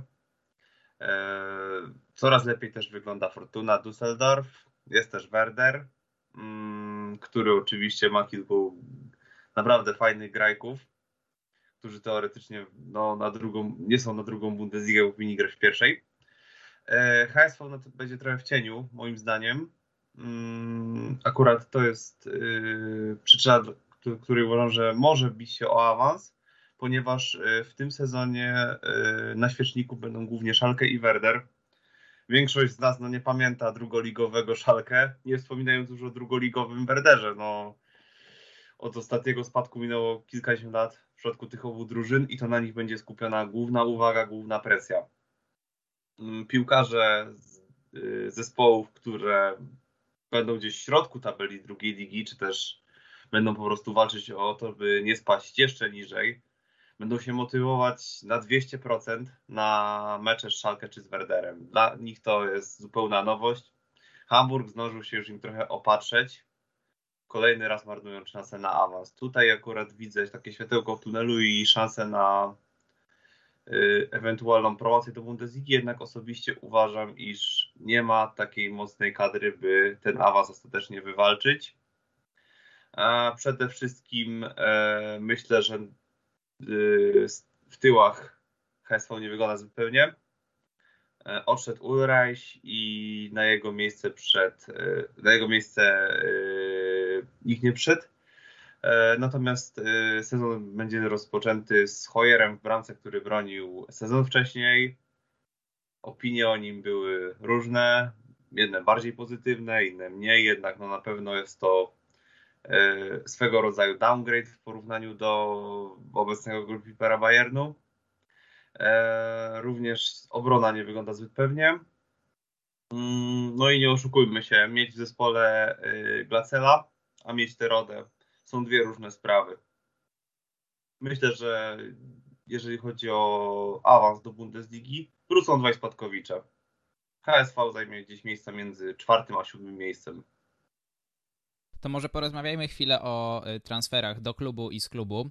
Y, tak jak mówiłeś, strata Terode będzie wyjątkowo bolesna, bo to jest fakt. Y, no i jak oceniasz uzupełnienie, bo mm, po Terodę, bo jak chodzi o napad, to ściągnięty został właśnie mm, Glatzel, tak jak wspomniałeś, no i jeszcze jest Mikkel Kaufmann z Młody Duńczyk, więc to jest moje pierwsze pytanie, jak to oceniasz? No i druga sprawa, mimo wszystko w trakcie okna transferowego kilku ciekawych zawodników się łączyło z HSV i wydawało się, że to jest taka marka, która nie może sobie pozwolić na przeciętność w ataku. No i jak przez ostatnie sezony Terode tam odpowiadał za seryjne strzelanie, tak y, teraz przyjdzie ktoś podobnej jakości. Wydawało się, że jeżeli Szalkę weźmie Terodego, to do mm, e, naturalnym ruchem dla HSV będzie podpisanie Dursuna. Nie udało się to, więc na początku chciałem Cię zapytać właśnie o mm, te roszady w ataku, a potem, mm, potem przejdziemy dalej, bo o jeszcze o jednego nowego zawodnika chciałem podpytać, który moim zdaniem wygląda wyjątkowo ciekawie. E, osobiście spodziewałem się, że Dursun nie przyjdzie do HSV, ponieważ e, rok rocznie udowadniał, że w drugiej lidze sobie świetnie radzi. E, I czas spróbować, czy to w innej lidze, Mm, czy też po prostu poprzez naturalną kolej rzeczy, jaką byłby awans na wyższy poziom rozgrywek e, swoich sił. E, sam Glacel. Mm, osobiście jestem e, do tego ruchu no tak średnio nastawiony, ponieważ jest to jednak zawodnik, który nie strzelał seriami. Mm, ostatnie, ostatnie dwa sezony no takie sobie. jeden sezon Heidenheim bardzo dobry, wcześniej nie było z tym aż tak dobrze. Natomiast yy, osobiście bardzo wierzę w Manuela Winsheimera na ataku, ponieważ kilka ładnych goli w sparingu szczelił. Z czego bardzo, bardzo ładną bramkę z Augsburgiem. Yy, I myślę, że na początku z samym Glacelem też yy, myślę, że jest o tyle problem, ponieważ on nie pojechał na obóz przygotowawczy ze względu na to, iż złapał COVID-19 i obóz w Grasał go ominął. W związku z tym myślę, że może nie być tak dobrze przygotowany do sezonu, czy to fizycznie, czy też. Mm, natomiast jak wcześniej powiedziałem, liczę na Manuela Winsheimera, który no ewidentnie potrafi grać w piłkę, jednak wcześniej nie dostało na tyle szans, by no, prowadzić HSV do kolejnych trzech punktów co mecz. No Witzheimer to faktycznie wydaje się być y, zawodnik najciekawszy obecnie z y, linii ataku.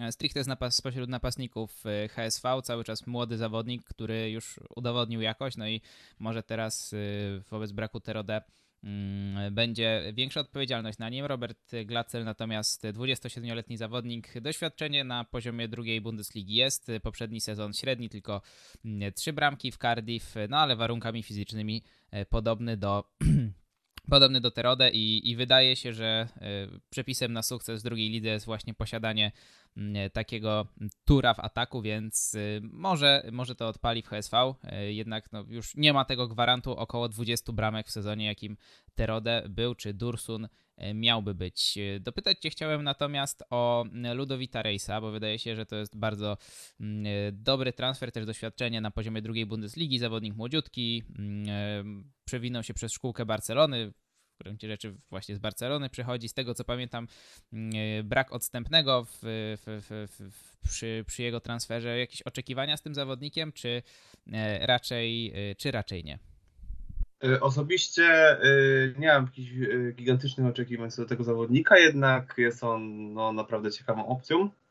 Y, rejs przyszedł za darmo, ale Barcelona ma y, prawo odkupu, gdyby ten piłkarz y, wypalił w naszym klubie na tyle bardzo, że po prostu Barcelona chciałaby na nim jeszcze więcej zarobić. Mm, sam zawodnik. Mm, bardzo ciekawie wygląda ruch, kiedy przychodzi do takiego klubu jak HSV Człowiek z Barcelony, natomiast pamiętam Halilowicza, że również przez Barcelony i również nie grał jakoś szałowo. Rice już y, o tyle na plus, że drugą Bundesligę zna, bowiem grał w Osnabruku.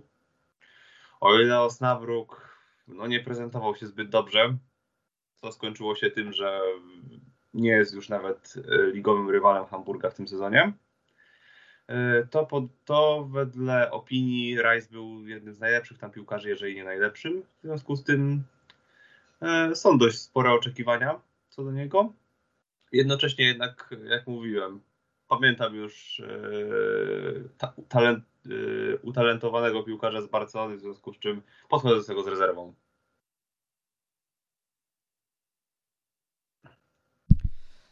Stałym punktem naszego dzisiejszego programu jest omawianie nowych trenerów, więc jestem też ciekawy Twojego zdania na temat nowego e, trenera HSV, Waltera.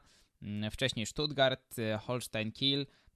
Jak w prywatnych rozmowach z Kacprem y, przed, przed, przed nagraniem y, on go bardzo, może nie bardzo, ale uważał, że to jest solidny trener. Ja przekonania nie mam, mimo wszystko dosyć y, wątłe doświadczenie w kontekście drużyn w drugiej Bundeslidze.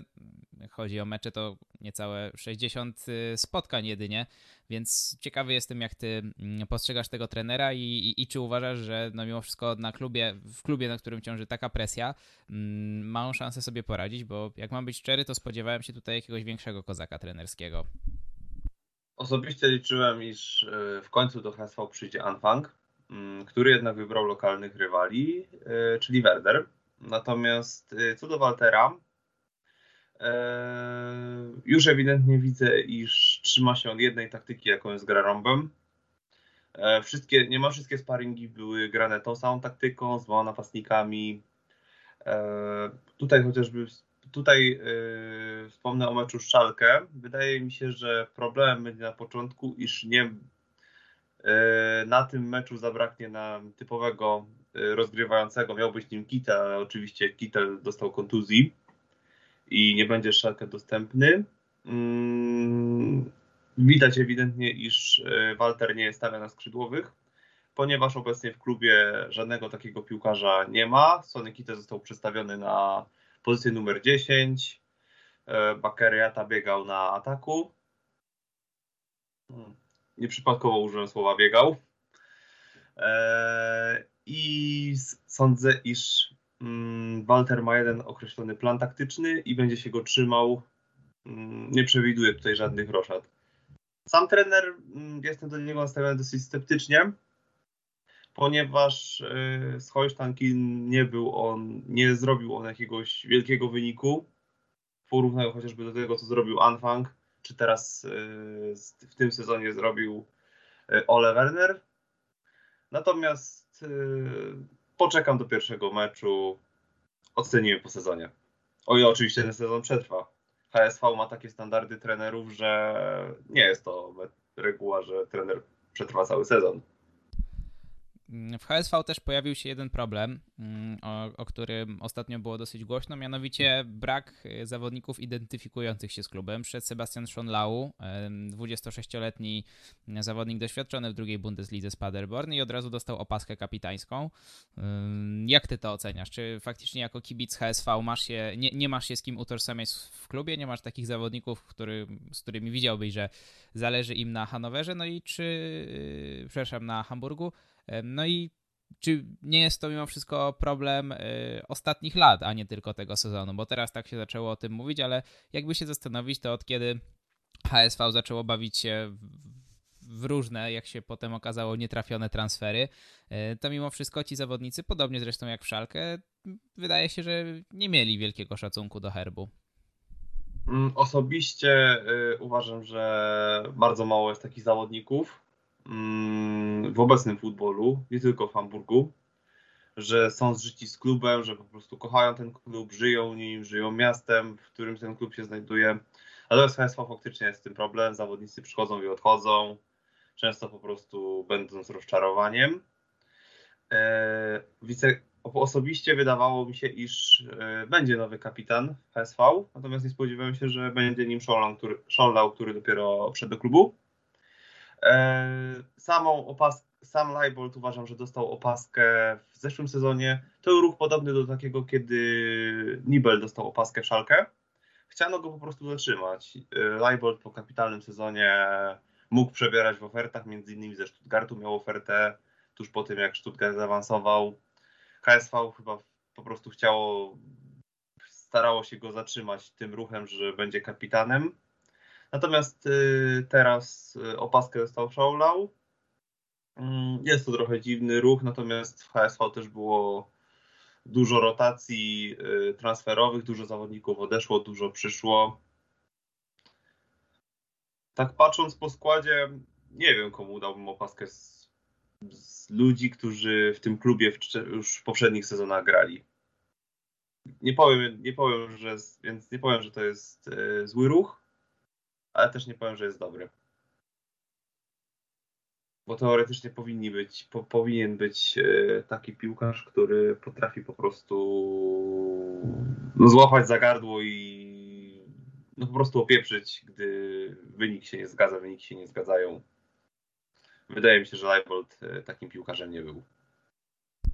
Jak, może teraz trochę podkradam pytanie Kacprowi, ale jak rozmawialiśmy wcześniej o Szalkę, to właśnie Kacper podawał HSV jako przykład drużyny, która może ma słabszą jedenastkę, ale generalnie ma kadrę szerszą i może troszeczkę równiejszą, biorąc też pod uwagę nie tylko wyjściową jedenastkę, ale rezerwowych, czy nawet głębszy, zawodników z głębszej rezerwy.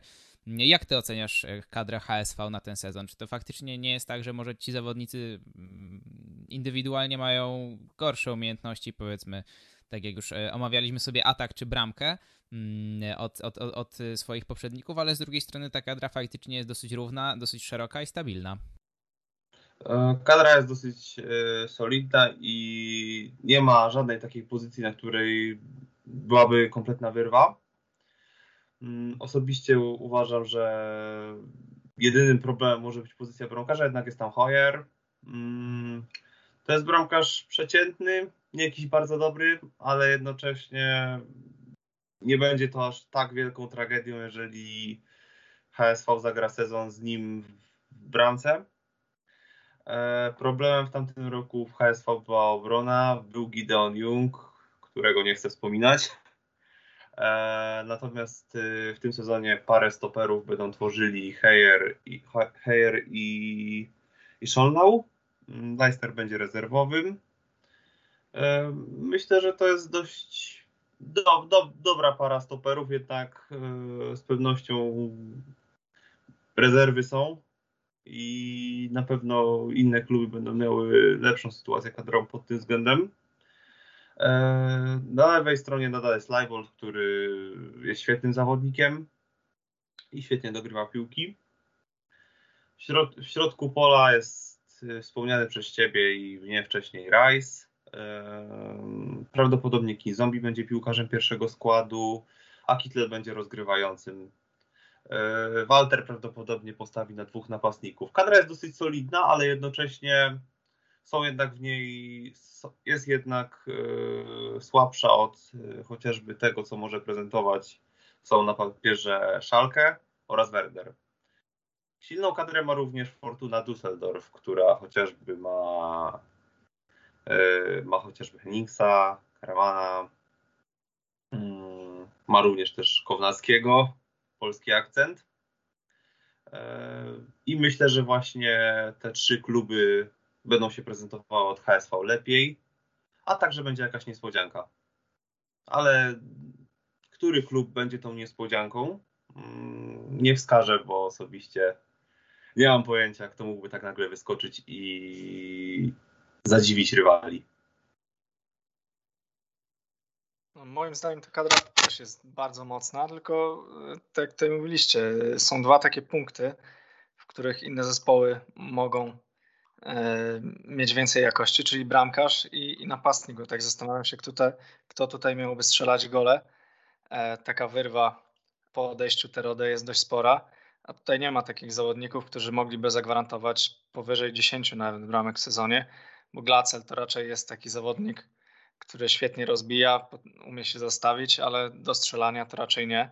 Też było widać w sparingach, że on częściej e, schodził jednak niżej i, i wtedy e, Jata z Winsheimerem byli tymi napastnikami, więc też zastanawiam się, jak była budowana kadra pod tym względem, czy faktycznie Walter ustalił to e, z dyrektorem sportowym, że on zawsze jest przekonany do swojego ustawienia z rąbem w środku i pod to jest budowana kadra, czy po prostu zastał, dostał taki, taki stan kadry i pod to buduje, bo tutaj brakuje mi trochę takiego E, planu B, co było też widoczne u Waltera e, wcześniej, że jak uprze się na swój system grania, no to będzie nim grał, a jeżeli miałby tutaj coś zmieniać, no to nie ma zbytnio na co, bo nie ma tutaj skrzydłowych.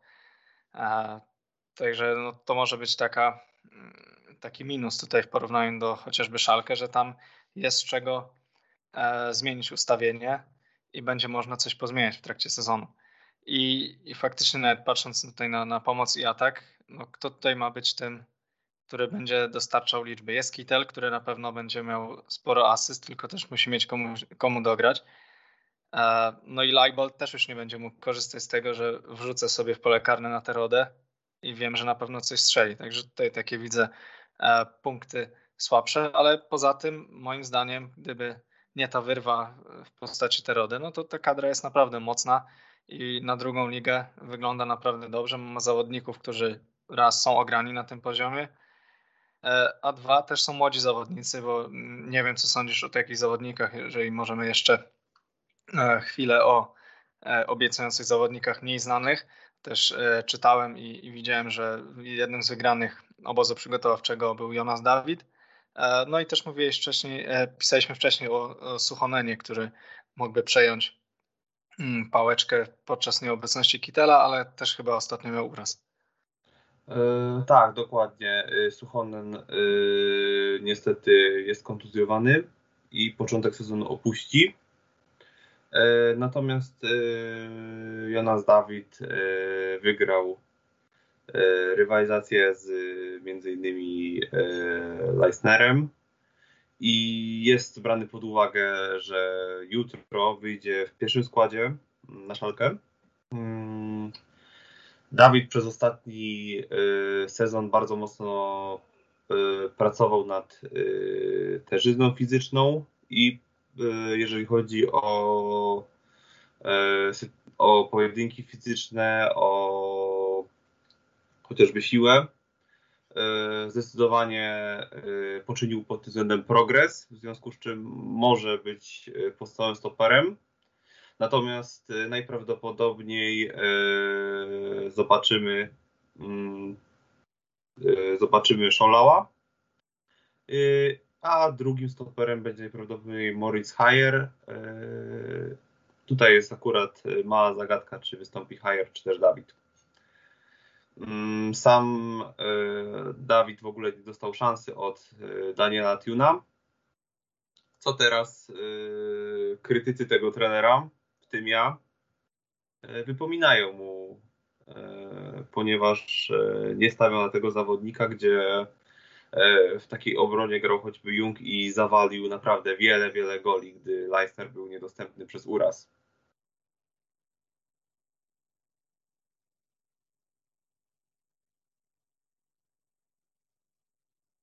Też pamiętajmy o tym, że największym problemem Hamburga nie jest kadra, nie jest skład. Największym problemem jest to, że piłkarze nie potrafią sobie radzić z presją. Widzieliśmy to w jednym sezonie, widzieliśmy to w drugim sezonie, widzieliśmy to w trzecim sezonie. Zawsze na wiosnę coś przeszkadza. Zawsze coś im siedzi w głowach na wiosnę. I, i ten sezon może być diametralnie inny. Dlaczego? Y, w końcu, po raz pierwszy od trzech lat, Hamburg przystąpi do sezonu w innej roli on nie będzie głównym faworytem. Cała uwaga będzie skupiona na Szalkę i na Werderze, bo to są dwa największe kluby, które teraz są w lidze. Z całym szacunkiem dla HSV. HSV nie będzie tym głównym faworytem. Y, tego awansu będzie się oczekiwać od Szalkę y, i od Werderu, pomimo, że w Werderze mają inne plany. I może dzięki temu z tych zawodników Hamburga zejdzie w końcu to ciśnienie. Może w końcu na wiosnę zagrają na luzie. Bez tej dodatkowej presji. No jak rozumiem, to było zdanie końcowe w dyskusji o HSV. E, dziękujemy Ci, e, Krzysiek, że do nas wpadłeś. E, mam nadzieję, że do usłyszenia 23 minuty o HSV.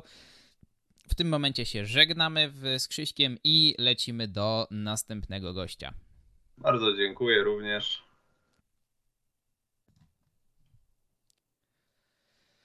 No i witamy naszego kolejnego gościa. Z nami dzisiaj Tomasz Milanowski. Witamy Cię. Cześć, cześć wszystkim. Cieszę się z zaproszenia i dziękuję za zaproszenie i możliwość pogadanki o Karlsruhe. No i tak jak właśnie powiedział nasz gość, przechodzimy do Karlsruhe, czyli mm, drużyny, która wydaje się mm, w poprzednim sezonie zrobiła wynik ponad stan, więc jak najbardziej warto, mm, warto się na niej skupić. Nie możemy odskoczyć wszystkich drużyn, no ale KSC powiedzmy będzie naszym reprezentantem tych drużyn spoza, spoza chciałbym powiedzieć spoza topki, no ale w gruncie rzeczy w poprzednim sezonie myślę, że można ich pod tę topkę podciągnąć szóste miejsce, znakomity wynik mm, drużyny, która jeszcze niedawno grała w trzeciej lidze. Jak ty się zapatrujesz na przyszły sezon? Czy myślisz, że drużyna jest wzmocniona, osłabiona? No i czy to szóste miejsce, albo może wyżej, jest do zrobienia także w sezonie 21-22?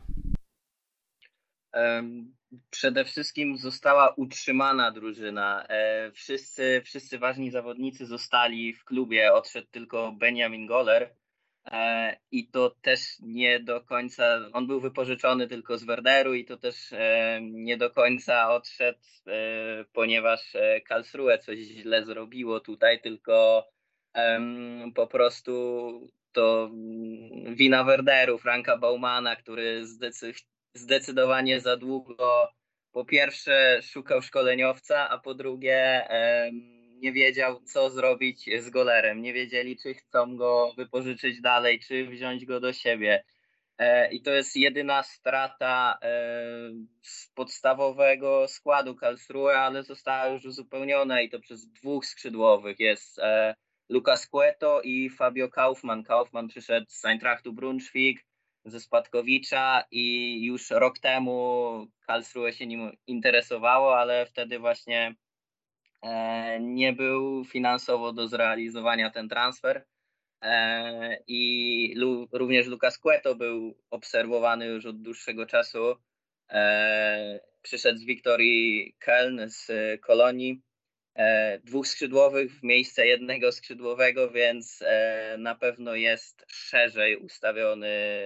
Skład jest po prostu szerszy e, niż rok temu na tych kluczowych pozycjach.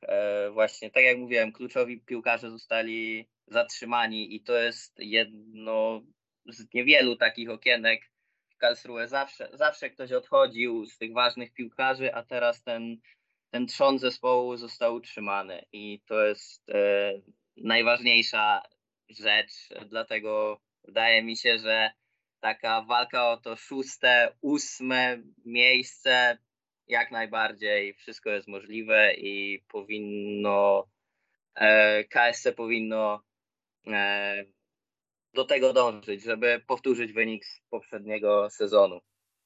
Czyli wierzysz jak najbardziej w to, że to nie był jednorazowy wyskok, E, a, a raczej norma mm, w kontekście y, Karlsruhe, że teraz to będzie już taki no, ponadprzeciętniak y, ligowy, a nie, a nie drużyna, która gdzieś tam musi walczyć y, o, o utrzymanie, jak to było we wcześniejszym sezonie. Tak, zdecydowanie. Mam nadzieję, że, że tak będzie, że no na dłużej się utrzymamy w takim, no nie chcę mówić o Bunde, no nie chcę mówić o awansie do Bundesligi ani E, ani nic takiego. Wysokich celów na pewno nie można zakładać już teraz. To, ta drużyna się rozwija i, e, i takie właśnie miejsca 6, 8 myślę, że to powinny być cele na, na ten sezon. Oczywiście nadrzędnym celem jest oczywiście utrzymanie, ale, ale takie miejsce właśnie 6-8 jest bardzo realistyczne i myślę, że takich rejonach powinno Karlsruhe myśleć też na przyszłość, na następne sezony, nie tylko na ten sezon, ale i następne. Po kolei po prostu, no, bramkarz Mariusz Gersbeck, jeden z lepszych e, bramkarzy w lidze w tamtym sezonie, ratował bardzo wiele punktów. Obrona też e, stała dość pewnie i duże zagrożenie też ze strony obrońców e, było. E, Robin Bormud i Chris Cobalt, obydwaj strzelali bramki po, po wrzutkach, po dośrodkowaniach e, z rzutów rożnych. Robin Bormud strzelił cztery bramki w tamtym sezonie, jak na środkowego obrońcę to mega wynik. To był mega transfer z, z Fortuny. Po bokach udało się zakontraktować już na stałe, na dwa lata Filip Heise na lewej obronie i na prawej jest Marco Tide, a jego zastępcą Sebastian Jung, też gracz, który grał i we Frankfurcie i w Wolfsburgu, doświadczony z Bundes, doświadczony ale też w Bundeslidze, nie tylko na, na poziomie drugiej ligi, e, ale tym pierwszym wyborem będzie Marco Tide, który no jednak nie zagra w pierwszym meczu z Hansą. E, kontuzja, E, kontuzja, może nie kontuzja, ale bardziej takie złe samopoczucie. Słyszy się o tym, że coś jest nie tak, pokłosie jakiegoś urazu głowy, ale nie wiadomo ile, ile będzie pauzował Marco Tide, ale ja wierzę, że Sebastian Jung bardzo dobrze go zastąpi. E, I mówię tak, obrona jest stabilna, ale E, jeśli chodzi o tą pierwszą czwórkę, piątkę obrońców, to tutaj dorzuciłem Junga takiego, no na pra, prawa obrona jest bardzo dobrze obsadzona. E, jest jeszcze też młody Janis Rabold e, i on może grać też na lewej stronie. I tutaj jest trochę większy problem, bo brakuje kogoś, brakuje po prostu zastępcy na lewej obronie, i w środku obrony jest Chris Cobalt, Robin Bormut, para stoperów, która stoi, ale co jeśli ktoś wypadnie? Tutaj widzę problem. Daniel Gordon, 37 lat, no nie, no to nie jest perspektywiczny zawodnik. E, I właściwie tyle, jeśli chodzi o obrońców, ale dzisiaj też właśnie mówił Oliver Kreutzer, że e, będą chcieli, chcemy ściągnąć jeszcze środkowego obrońcę. No idealnym rozwiązaniem byłby ktoś taki jak był Kevin Wimmer w poprzednim sezonie, który przyszedł e, zimą, no teraz gra z Rapidem o Ligę Mistrzów. E, zawodnik, który potrafił obskoczyć obydwie pozycje, i lewą obronę, i środek obrony. I myślę, że kogoś takiego będzie tutaj próbował Kreuzer wyczarować. Zobaczymy, czy się uda. Mam nadzieję. Dzisiaj jakoś tak wychodzi w programie, że każdego pytamy o opinię o trenerze. Do tej pory byli to nowi trenerzy, a w tym wypadku no jest, to, jest to trener Eisner, który już y, z tego co pamiętam trzeci sezon będzie e, w Karlsruhe rozpoczynał. E, wydaje się, że wykonuje bardzo dobrą, bardzo dobrą robotę i jest to też trener z tego młodego pokolenia, czy jak on przychodził do, mm, zostawał już kolejny raz y, trenerem Karlsruhe, tym razem na stałe, to spodziewałeś się takiej dobrej, mm, takiego, takiej dobrej roboty w jego wykonaniu, czy, czy raczej to jest miłe zaskoczenie? No i jaka jest jego przyszłość, bo jak wiemy, znaczy jak widzisz jego przyszłość, bo jak wiemy w Niemczech jest y, spory kult młodych trenerów i, i, i każdy klub, gdy tylko jakiś y, mm, mniej doświadczony trener się wybija, no bardzo szybko chce go podpisać. Nie, nie, nie trzeba wielu przykładów wymieniać, raczej jest to zjawisko powszechne i znane. Tak, tak, to prawda. Młodzi trenerzy w Niemczech e, robią furorę i właśnie na tym poziomie drugiej ligi jest ich bardzo dużo. E, w ostatnich latach się ich wybiło. E, Eichner ma jeszcze kontrakt tylko na ten sezon, ale nikt no, nie wyobraża sobie, żeby ten kontrakt nie został przedłużony.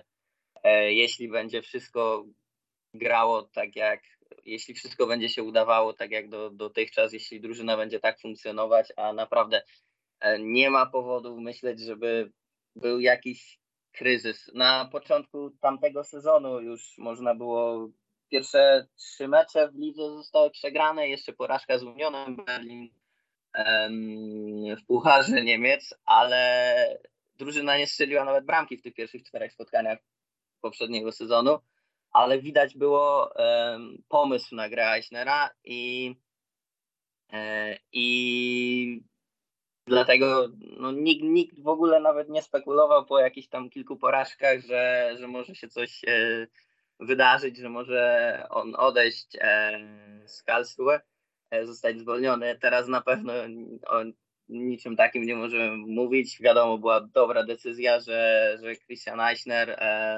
no człowiek z Karlsruhe, związany od kilkunastu lat w Karlsruhe, wcześniej świetny lewy obrońca, e, a teraz bardzo dobry trener. Ja widzę go na pewno w przyszłości w Karlsruhe E, z przedłużonym kontraktem. i no wszystkie decyzje, na pewno nie jest to taki kasus e, Filipa Hoffmana, który, on, który na pewno chce gdzieś odejść, ale, ale też ma kontrakt na napastnik, ma kontrakt na jeden sezon i bardzo się cieszę z tego, e, jak sprawę rozwiązuje Oli Kreuzer, który już teraz zapowiedział, że no Hoffman nie odejdzie, choćby jakiekolwiek płynęły oferty, zainteresowane był, były drużyny Mainz i Bochum, ale Kreuzer powiedział nie, zostajesz, nawet jeśli oddamy go za darmo za rok, no to jednak na ten sezon jest bardzo dobrze obsadzona ta pozycja dziewiątki. I, i Eichner nie musi się o to, o to martwić, a, a za Hoffmanem, znaczy jak przyszedł Fabian Schleusener, który już był w Karlsruhe, był królem strzelców trzeciej ligi, E, w barwach KSC, później odszedł do Sandhausen, później do Rymberga. Nie wiodło się w drugiej lidze, też kontuzje. E, jako backup Hoffmana myślę, że też się będzie dobrze spisywał. Jest jeszcze młody Malik Batmas. No myślę, że kadra jest dobrze obsadzona, dobrze budowana przez i Oliego Kreuzera i Christiana Eichnera, który też ma tutaj bardzo dużo do, do gadania.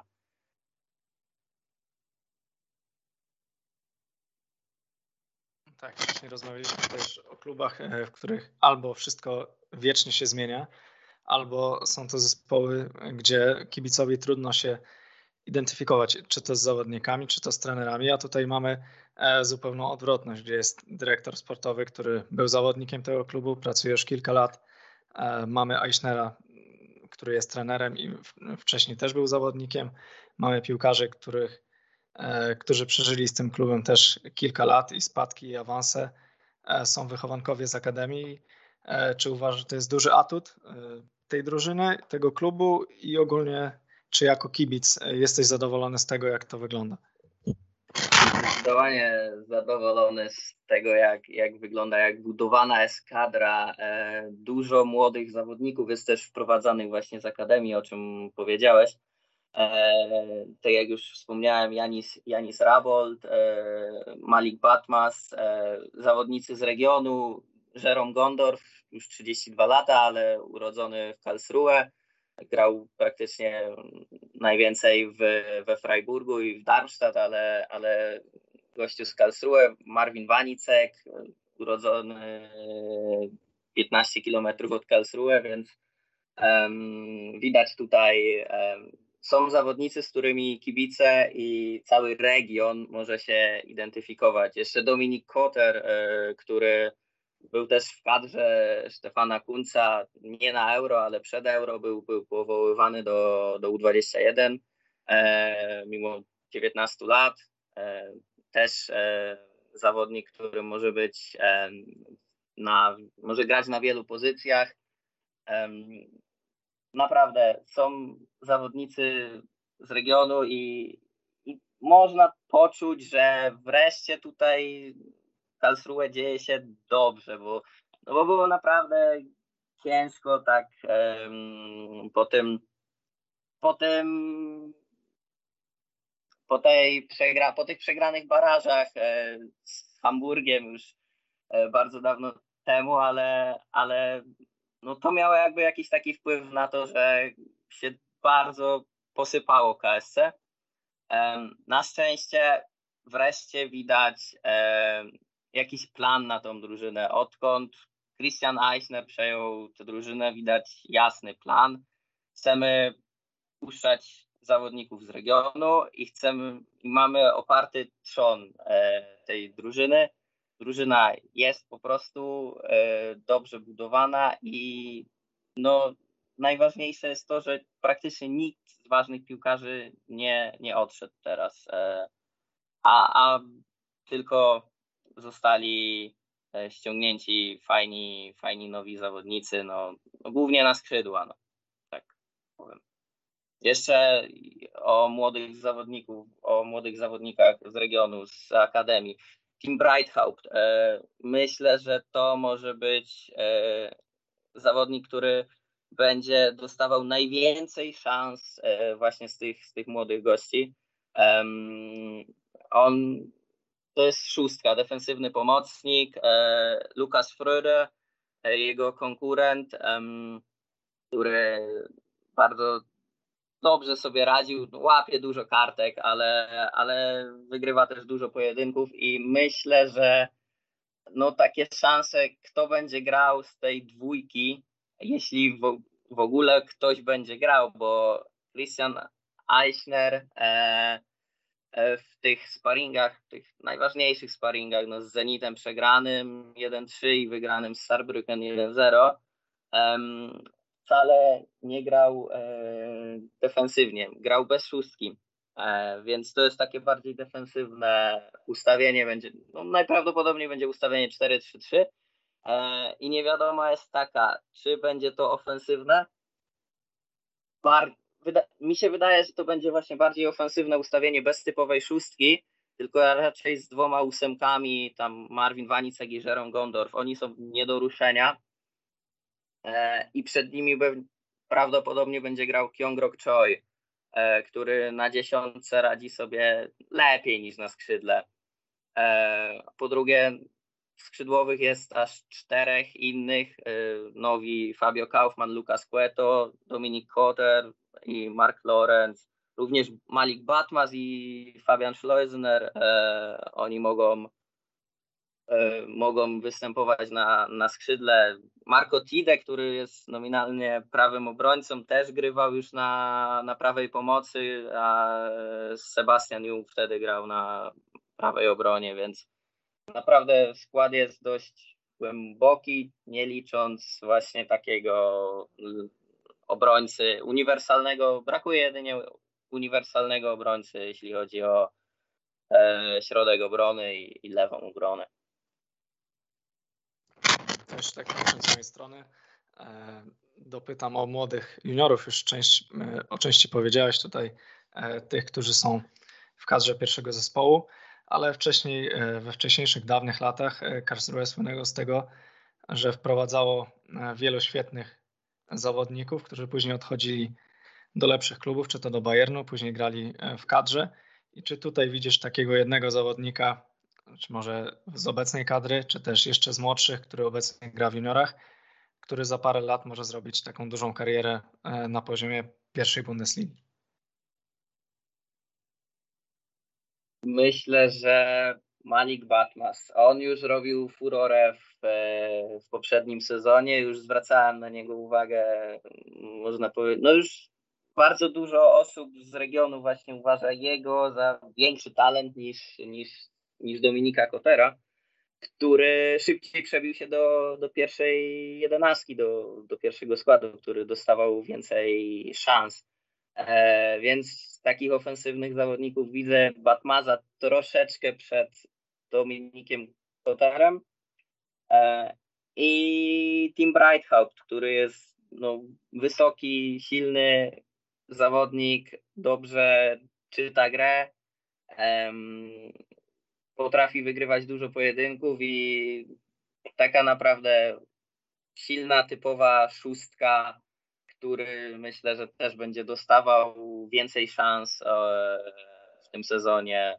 Skoczył do składu na ostatnie kolejki poprzedniego sezonu i myślę, że teraz będzie już ważnym zawodnikiem, ważnym członkiem tej drużyny, który na pewno będzie często w tym składzie występował. I myślę, że na tym możemy zakończyć wątek KSC. Tomasz Milanowski był naszym gościem. Dziękujemy Ci za to, że do nas padłeś. Dzięki wielkie. No a my słyszymy się przy następnym klubie. I płynnie przechodzimy do ostatniej już części naszego programu. Tym razem porozmawiamy o Norymberdze i z tej okazji naszym gościem jest Patryk Żłobiński. Cześć. Cześć, cześć. E, no to na początek takie e, pytanie wprowadzające. E, zacznijmy może od wzmocnień klubu. Czy w Norymberdze jeszcze świętujecie po odejściu Lukasa Myla?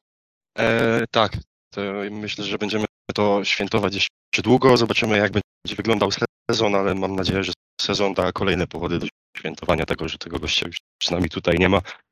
Dobrze, od razu zagadnąłeś ten temat, bo przy nim to w ogóle sobie postawiłem tylko trzy kropki, bo nie ma co za dużo o nim gadać. Odhaczyliśmy ten temat, zapomnijmy o nim.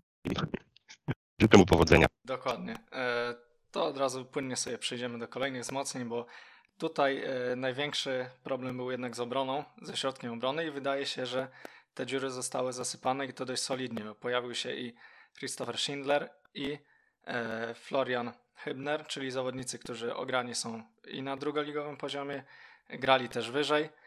W ostatnim sezonie może trochę mniej, ale wydaje się, że to i tak jest duża poprawa względem tego, co było w poprzednim sezonie. Jak widzisz e, to, co działo się w letnim okienku pod względem wzmocnień, jak i odejść, które chyba nie są tak bolesne, e, bo żaden kluczowy zawodnik w tym okienku nie odszedł z klubu. Tak, tak, tak ogólnie oceniając, to jest to bardzo przyjemne okienko dla kibica Norymbergi. Dawno tak przyjemnego okienka nie mieliśmy. E, tak, tak tam już wspomniałeś, jeżeli chodzi na początku może o odejściach, e, nie odszedł w zasadzie dziennik ważny, oczywiście odszedł Hanno Berens, który jest dla nas kimś ważnym, ważną postacią dla kibiców, dla klubu. Natomiast no, on już od lat, e, delikatnie mówiąc, nie dojeżdżał sportowo, szczególnie w zeszłym sezonie, kiedy, kiedy Klaus już wprowadzał swoją filozofię gry, kiedy, kiedy pomocnicy w środku muszą naprawdę dużo intensywnie biegać, grać dobrze na jeden kontakt, co niestety u niego było jego zdecydowaną piętą achillesową. No ale zostaje w drugiej lidze, zobaczymy jak mu pójdzie dalej. No, natomiast odejście Margreitera, który nigdy nie był zdrowy, e, Schneusnera, który oczywiście cały czas dziękujemy mu za tą bramkę, która, dzięki której cały czas gramy w drugiej lidze, dzięki której nawet Klaus o tym wspominał w wywiadzie, że dzięki tej bramce w zasadzie został trenerem Norymbergi, no bo przecież w trzeciej lidze na pewno by naszym trenerem nie został. Za to mu bardzo dziękuję, natomiast chcemy chyba ten etap właśnie zamknąć.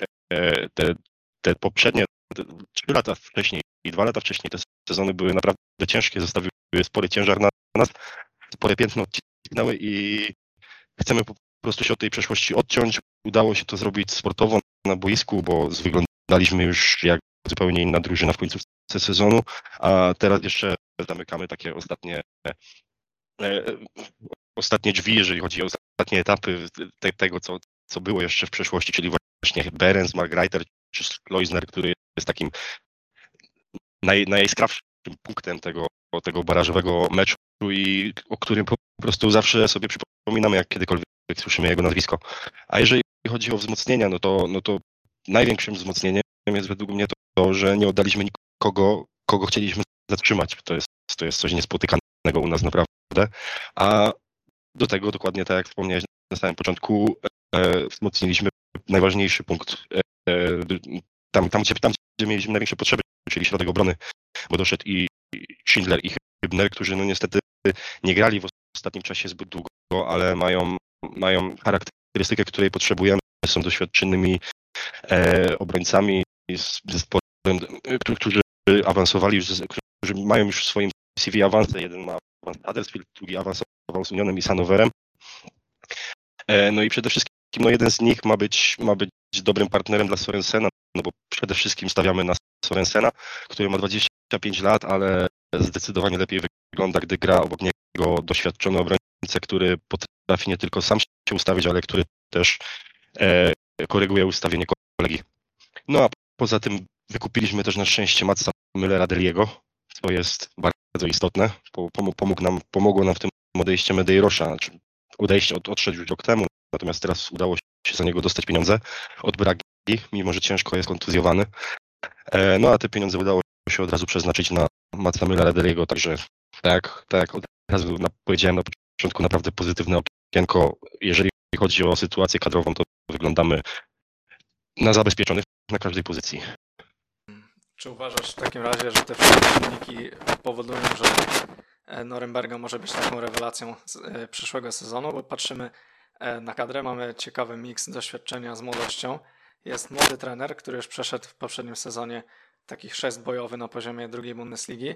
Wie już, e, co jest grane, wie na kogo stawiać. E, no i ciekawe okienko w wykonaniu klubu. Także myślę, że te, te trzy czynniki mogą powodować to, że wielu, w opinii wielu osób czy ekspertów ta Norymberga może być takim pozytywnym zaskoczeniem, a jak to widzisz jako kibic, który patrzy na to wszystko od środka? E, to znaczy u nas, u nas na no nie ma presji na awans, to jest też niespotykane, podobnie jak dobre okienka. E, dziwnie się dzieje, powiem szczerze, w, tym, w, w tych ostatnich miesiącach. U nas bardzo pozytywnie, ale to jest coś niespotykanego dla nas. E, no, Klaus zaznaczy, zaznaczył ostatnio, że on, zarówno on, jak i nasz dyrektor sportowy Olaf Rebe oraz Dieter Hecking, wszyscy pracowali w klubach, które mają przeszłość w, grały w Lidze Mistrzów. Oni pracowali sami w Lidze Mistrzów. E, no i nie chcą, nie chcą na zawsze ugrzęznąć w środku drugiej ligi. E, Klaus zaznacza, że tak jak właśnie mówisz, przeszedł stres bojowy, nabrał doświadczenia, zauważył kilka błędów, na przykład zaznaczył, że na samym początku faktycznie przyzna rację, że zmieniał za dużo, jeżeli chodzi o sam, nie tyle o drużynę, to nie tyle o skład personalny, co o to, że zmieniał plan na grę z meczu na mecz, co, co w tej lidze raczej, raczej nie wychodzi. Tutaj trzeba mieć swój jasny plan, e, pomysł na grę i wtedy i, i trzymać się tego planu i z czasem, jak z czasem przychodzą zawsze tego efekty. No natomiast jeżeli chodzi już o sam awans, no to w tym sezonie, no to trudno liczyć, że w tej lidze powalczymy o awans, jeżeli czołówka zagra na miarę swoich możliwości, no bo to jednak są zupełnie inne możliwości i finansowe, i kadrowe. Sami wiecie, jak kibice Szalkę, jakie, jakie wzmocnienia udało wam się przeprowadzić, no jednak w porównaniu do ściągania e, zawodników jak Schindler, którzy od pół roku nie, nie, nie, nie pojawili się na murawie, wygląda to trochę inaczej. No ale chcemy iść naprzód. Mamy plan, według którego ciągle działamy. No i bez presji i spokojnie stawiamy kolejne kroki, żeby zbudować solidny klub, no bo nie chcemy awansować szczęśliwie, czy dzięki zbiegowi okoliczności, a dzięki temu, że faktycznie mamy temu podstawę, że dołączymy na stałe do czołówki, a, a nie zaliczymy jednorazowy wyskok, tak jak poprzednim razem, który się może skończyć za dwa lata barażem o utrzymanie w drugiej lidze. Jasne, ale też y, widzę, że jest spore nagromadzenie. Y, nie wiem, czy nie największe y, spośród tych klubów, które były w tamtym sezonie w drugiej lidze, tej abstrahując już od Szalkę i Werderu. Nagromadzenie bardzo młodych zawodników i ciekawych, niekoniecznie takich, którzy są na stałe w Norymberdze, bo przebywają też na wypożyczeniu, ale naprawdę może być to takie ciekawe do oglądania tych zawodników, którzy perspektywie kilku lat mogą wyjść na jeszcze wyższy poziom e, i pod skrzydłami tego trenera mocno się rozwinąć. Mam tu na myśli e, choćby Krausa, e, Haka, Szuranowa, czy też taką zagadkę z rezerw Borussii Dortmund Dumana albo Borkowskiego z Lipska. Tak, tak, tutaj na pewno. Wcześniej też zaznaczyłeś, że to jest fajne połączenie doświadczenia z młodością i naprawdę ta nasza młodzież wygląda nieźle i bardzo mocno wchodzi do, do drużyny. Szuranow to miało, to miało kapitalne wejście, w zasadzie, w zasadzie kilka treningów. Wcześniej rzeczywiście trenował, natomiast, natomiast gdy tak naprawdę Szuran, e, Klaus postanowił zabrać go e, do pierwszej drużyny, no to od razu został, od razu się przekonał do niego. Jemu po prostu piłka zawsze spada pod nogi i naprawdę Szuranowa myślę, że należy śledzić, bo, bo jest to materiał na świetnego lisa pola karnego. E, może z tych, co jeszcze nie wymieniłeś, no, nadal Fabian Nymberger, który teraz w zasadzie w naszej drużynie jest weteranem, dwa pełne sezony rozegrane, e, ale, ale nadal to jest zawodnik, który ma 21 lat, który, który miał klauzulę odejścia, z której nikt nie, nie skorzystał. Mówiło się o tym, że trafi być może do Freiburga. Okazało się, że to my ściągnęliśmy jeszcze Lino Tempelmana z Freiburga, który też jest 22-latkiem y, z sporym potencjałem. Zobaczymy, jak to się rozwinie, natomiast nie zagrał za dużo e, w paringach przed sezonem.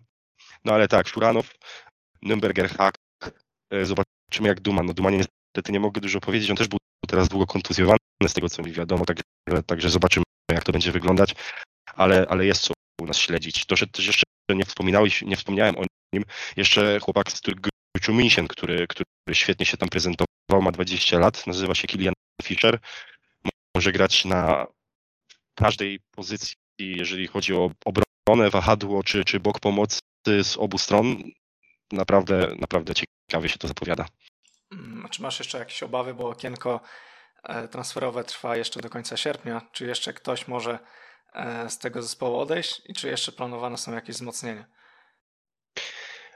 Myślę, że na oba pytania odpowiem nie, bo e, większość, no, przede wszystkim jeżeli chodzi o odejście, no to, no to wiadomo, że jak co roku był temat haka, natomiast hak tam bardzo szybko uciął e, e, przed jeszcze okienkiem transferowym temat odejścia. Powiedział, że czuje się tutaj dobrze w Norymberdze, że dużo Norymberdze odwdzięcza.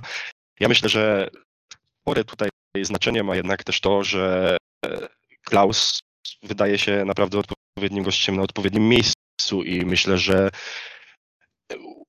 przekonał po prostu do siebie tych chłopaków, że oni są w stanie wejść na wyższy poziom razem z nim, że są w stanie grać lepszą, lepszą ładniejszą piłkę niż grali też poprzednio, no bo, no bo jednak nie, nie chowamy się za podwójną gardą. Fajnie się ogląda Norymbergę w ostatnich miesiącach. Mocny pressing, dużo biegania. Naprawdę świetna sprawa. Mm, czyli dalej będzie to kontynuowane e, to, co było w poprzednim sezonie i to, czego oczekiwaliśmy też od tego trenera, czyli taka szkoła lipska, dużo energetycznego futbolu, granie na dużej intensywności. Czy Norymberga ma kadrę do tego, żeby grać e, w taką piłkę? E, gdzie widzisz największe słabości i, i mocne strony tego zespołu, bo e, chociażby jak mam w pamięci Johannesa Geisa z innych klubów, no to nie jest taki zawodnik, który może grać na wielkiej intensywności, ale jest inteligentny, ma inne atuty i czy właśnie w takim pomyśle na grę on jest w stanie dalej być dobrym zawodnikiem? E, Johannes Geis ma, tak jak właśnie mówisz, wiele innych atutów. Niekoniecznie jest idealnym zawodnikiem do gry pressingiem, natomiast jest też odpowiednio, że tak powiem, opakowany w środku pola, dzięki, dzięki chociażby Fabianowi Nembergerowi w środku, czy, czy, czy Tom, Tomasowi, Tomowi Krausowi.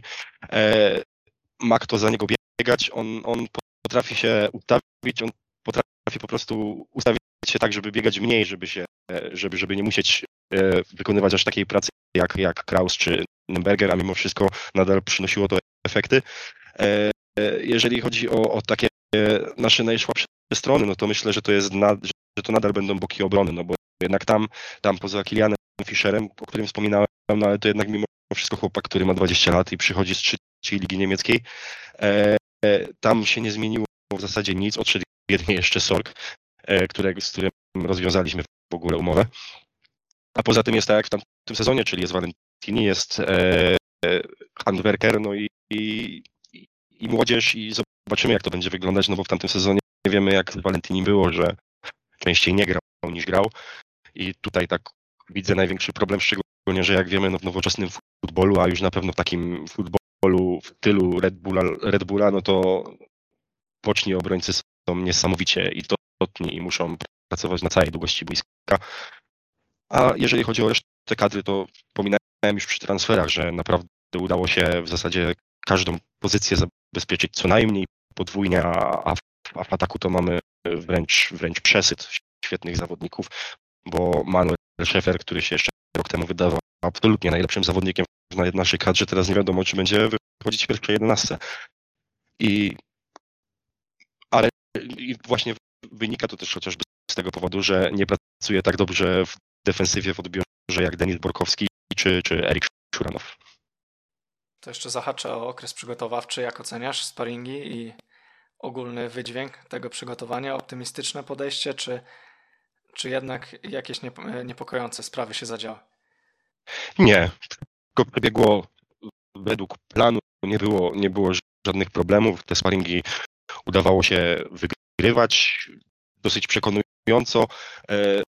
Niektórzy zawodnicy nie dostali za dużo szans, no ale to też wynikało z tego, że te przygotowania nie trwały za długo. E, niestety, niestety w sobotę nie mogłem być na meczu z TSV. Od razu pierwszy mecz przeoczyłem, nie było mnie na miejscu tutaj, no ale e, obejrzałem sobie powtórkę i, i wyglądało to ok, jak po prostu na ten okres przygotowania, jak, jak ciężko, nie graliśmy z drużynami na, na, na podstawie których można wyciągnąć też jakieś daleko idące wnioski. Nic złego się nie wydarzyło, żadnych, żadne kontuzje się nie przytrafiły, także, także myślę, że można pozytywnie ocenić ten sezon. Okej, okay, to jeszcze na koniec z mojej strony, zanim oddam głos Maćkowi, zapytam o najważniejszą rzecz e, z perspektywy kibica, czyli e, powrót na stadiony. E, jak to będzie przebiegało w Twoim klubie? Jak będzie wyglądał ten powrót do normalności i ile, ilu kibiców będzie mogło się pojawić w najbliższych meczach? No u nas niestety nie liczą się te zalecenia dla całych Niemiec. Niestety na Bawarii, tak podobnie jak na Bayernie, również jak, jak, jak na Bayernie, podobnie u nas, e, będziemy mieli tylko 37,5% zapełnienia stadionu, to wychodzi 17,5 tysiąca kibiców. E, e, ja oczywiście kupiłem karnet, natomiast sytuacja z karnetami u nas wygląda tak, że my tych karnetów nawet nie dostaliśmy fizycznie, póki będą ograniczenia na wejście na stadion, dopóty musimy zawsze przed każdym meczem wejść na stronę i zatwierdzić swój, swoje wejście na stadion. Wtedy nie musimy płacić nic za te bilety dodatkowo, po prostu ta cena, jeżeli na przykład później te karnety, jeżeli później by e, nie było już żadnych ograniczeń i faktycznie karnety by wróciły, no to po prostu cena będzie odliczona od reszty. 17,5 e, tysiąca biletów się jeszcze nie rozeszło z tego, co mi wiadomo. Jest to dosyć dziwne, no bo mamy prawie 20 tysięcy sprzedanych karnetów. Może ten początek taki, taki będzie spokojniejszy. E, ja też czekam przede wszystkim na wyjazdy na, na, na mecze wyjazdowe, no bo od trzeciej kolejki będziemy mogli jeździć na wyjazdy i od razu planuję też Paderborn odwiedzić. E, no, mam nadzieję po prostu, że będziemy otwierać stadiony coraz bardziej, a nie, że przydarzy się jeszcze coś tak jak w tamtym sezonie, że chwilę pochodzimy, a, a za chwilę znowu będziemy musieli oglądać w telewizji. Nie wiem, na ile jeszcze śledziłeś dokładnie terminarz, ale ostatnia kolejka zapowiada się ciekawie. No tak, tak, to, to, to, to wiadomo, że od razu się trafiło.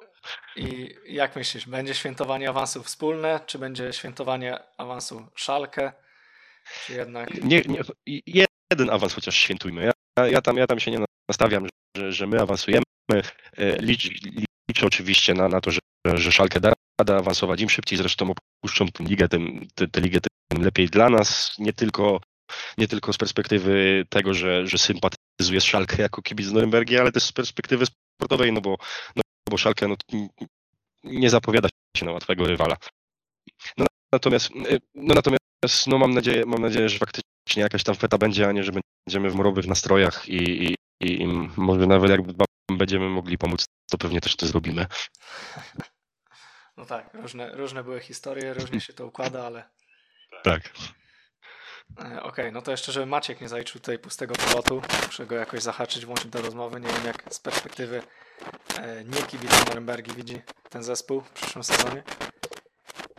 E, no Norymberga jest absolutnie nieobliczalnym zespołem. To pod koniec zeszłego sezonu było widać, że w końcu, w końcu po wielkich bólach e, ten system gry Klausa się, się sprawdza i, i Norymberga zaczyna grać tak, jak powinna. No zresztą według wielu osób Norymberga może być czarnym koniem. Faworyci faworytami, ale... ale na euro. Ale co, ale co sezon zawsze jest jakaś niespodzianka. Ktoś zawsze tam for, forsuje się do góry i, i, kto wie, czy to nie będzie Norymberga. No tak, ja, ja cały czas wspominałem, że u nas liga jest tak nie, specyficzna, że wszystko może, wszystko może być możliwe. Ja też właśnie wspominałem że u nas się już tyle rzeczy niespotykanych wydarzyło w ciągu ostatnich miesięcy, że no jakby teraz się nagle okazało, że wchodzimy w sezon i, i, i trzymamy tempo, no to może to też by nie było aż takie wielkie zaskoczenie. No na pewno dla ligi im więcej takich drużyn e, z pomysłem, tym lepiej, bo ten sezon naprawdę zapowiada się tak ciekawie i może dojść do takich przetasowań, bo wcale nie jest powiedziane, że tutaj e, Werder czy HSV może awansować. Szalkę też E, jako kibic pewnie na awans, ale no różnie może być. Przykład Hamburga pokazał, że, że różnie bywa, a ostatni sezon pokazał, że też Beniaminki nie muszą być do końca oczywiste i to jest szansa dla Norymbergi jak najbardziej. No tak, teraz naprawdę zapowiada się ten sezon świetnie, chociaż już któryś raz w sumie mówimy, że to jest najlepsza liga, druga liga w historii, no to teraz naprawdę jest, jest taki przesyt tych drużyn, że, że no nawet, nawet, pierwszy, nawet pierwszą piątkę ciężko, ciężko obsadzić, żeby, żeby nikogo nie urazić. E, zobaczymy, zobaczymy jak to wyjdzie. E, myślę, że Werder i Schalke nie podzielą losu HSV, jeżeli miałbym tutaj się porwać na jakieś typy. Będzie wyglądało to u nich trochę inaczej. Na pewno w Norymberze zerwaliście chociaż z klątwą sponsora technicznego, już macie stroje Adidasa ponownie. Bo u nas jeszcze, jeszcze rok, także i Werder chyba też jeszcze się nie wygrzewa. No tak, no z jednej strony ta klątwa, a z drugiej strony znowu po prostu stroje prosto z katalogu, cała kolekcja zresztą prosto z katalogu, no niestety no tego, co się mogliśmy spodziewać, czyli no dla Adidasa nie jesteśmy specjalną marką i, i, i nic ciekawego dla nas nie przygotują. Myślę, że teraz może być też problem na przykład ze specjalnymi koszulkami, które w ciągu ostatnich lat to wychodziły bardzo regularnie, bodajże w ciągu trzech ostatnich lat co roku jakaś się pojawiała. No natomiast no teraz Adidasem to wiadomo, jesteśmy jedni z wielu, ale może to, może to jest cena, jaką trzeba zapłacić za to, żeby z tą klątwą nagrywać. Dobrze, myślę, że temat wyczerpany, jak zwykle zresztą. E, także dziękujemy Tobie, Patryk, za, za podobną obecność. Myślę, że, no, e, że nie ostatni raz na pewno, bo jeszcze będzie wiele ciekawych okazji do rozmowy. Oby, oby na przykład porozmawiać o świetnej formie Norymbergi. Tak jest. W takim razie dziękujemy i dziękujemy też Wam za wysłuchanie e, całego podcastu. Trochę, trochę pewnie się przedłużyło, ja ale myślę, że, że, było ciekawie i, i fajnie będzie spojrzeć na, na drugą ligę z perspektywy różnych klubów. No i życzymy bardzo ciekawego sezonu w drugiej lidze, bo naprawdę jak mieliśmy tyle walk stulecia w polskim boksie, no to tutaj mamy kolejny najlepszy sezon w historii. Nam się zapowiada i mamy nadzieję, że tak będzie. Ja również dziękuję i dziękuję Tobie, Maciek, i do usłyszenia. Dzięki.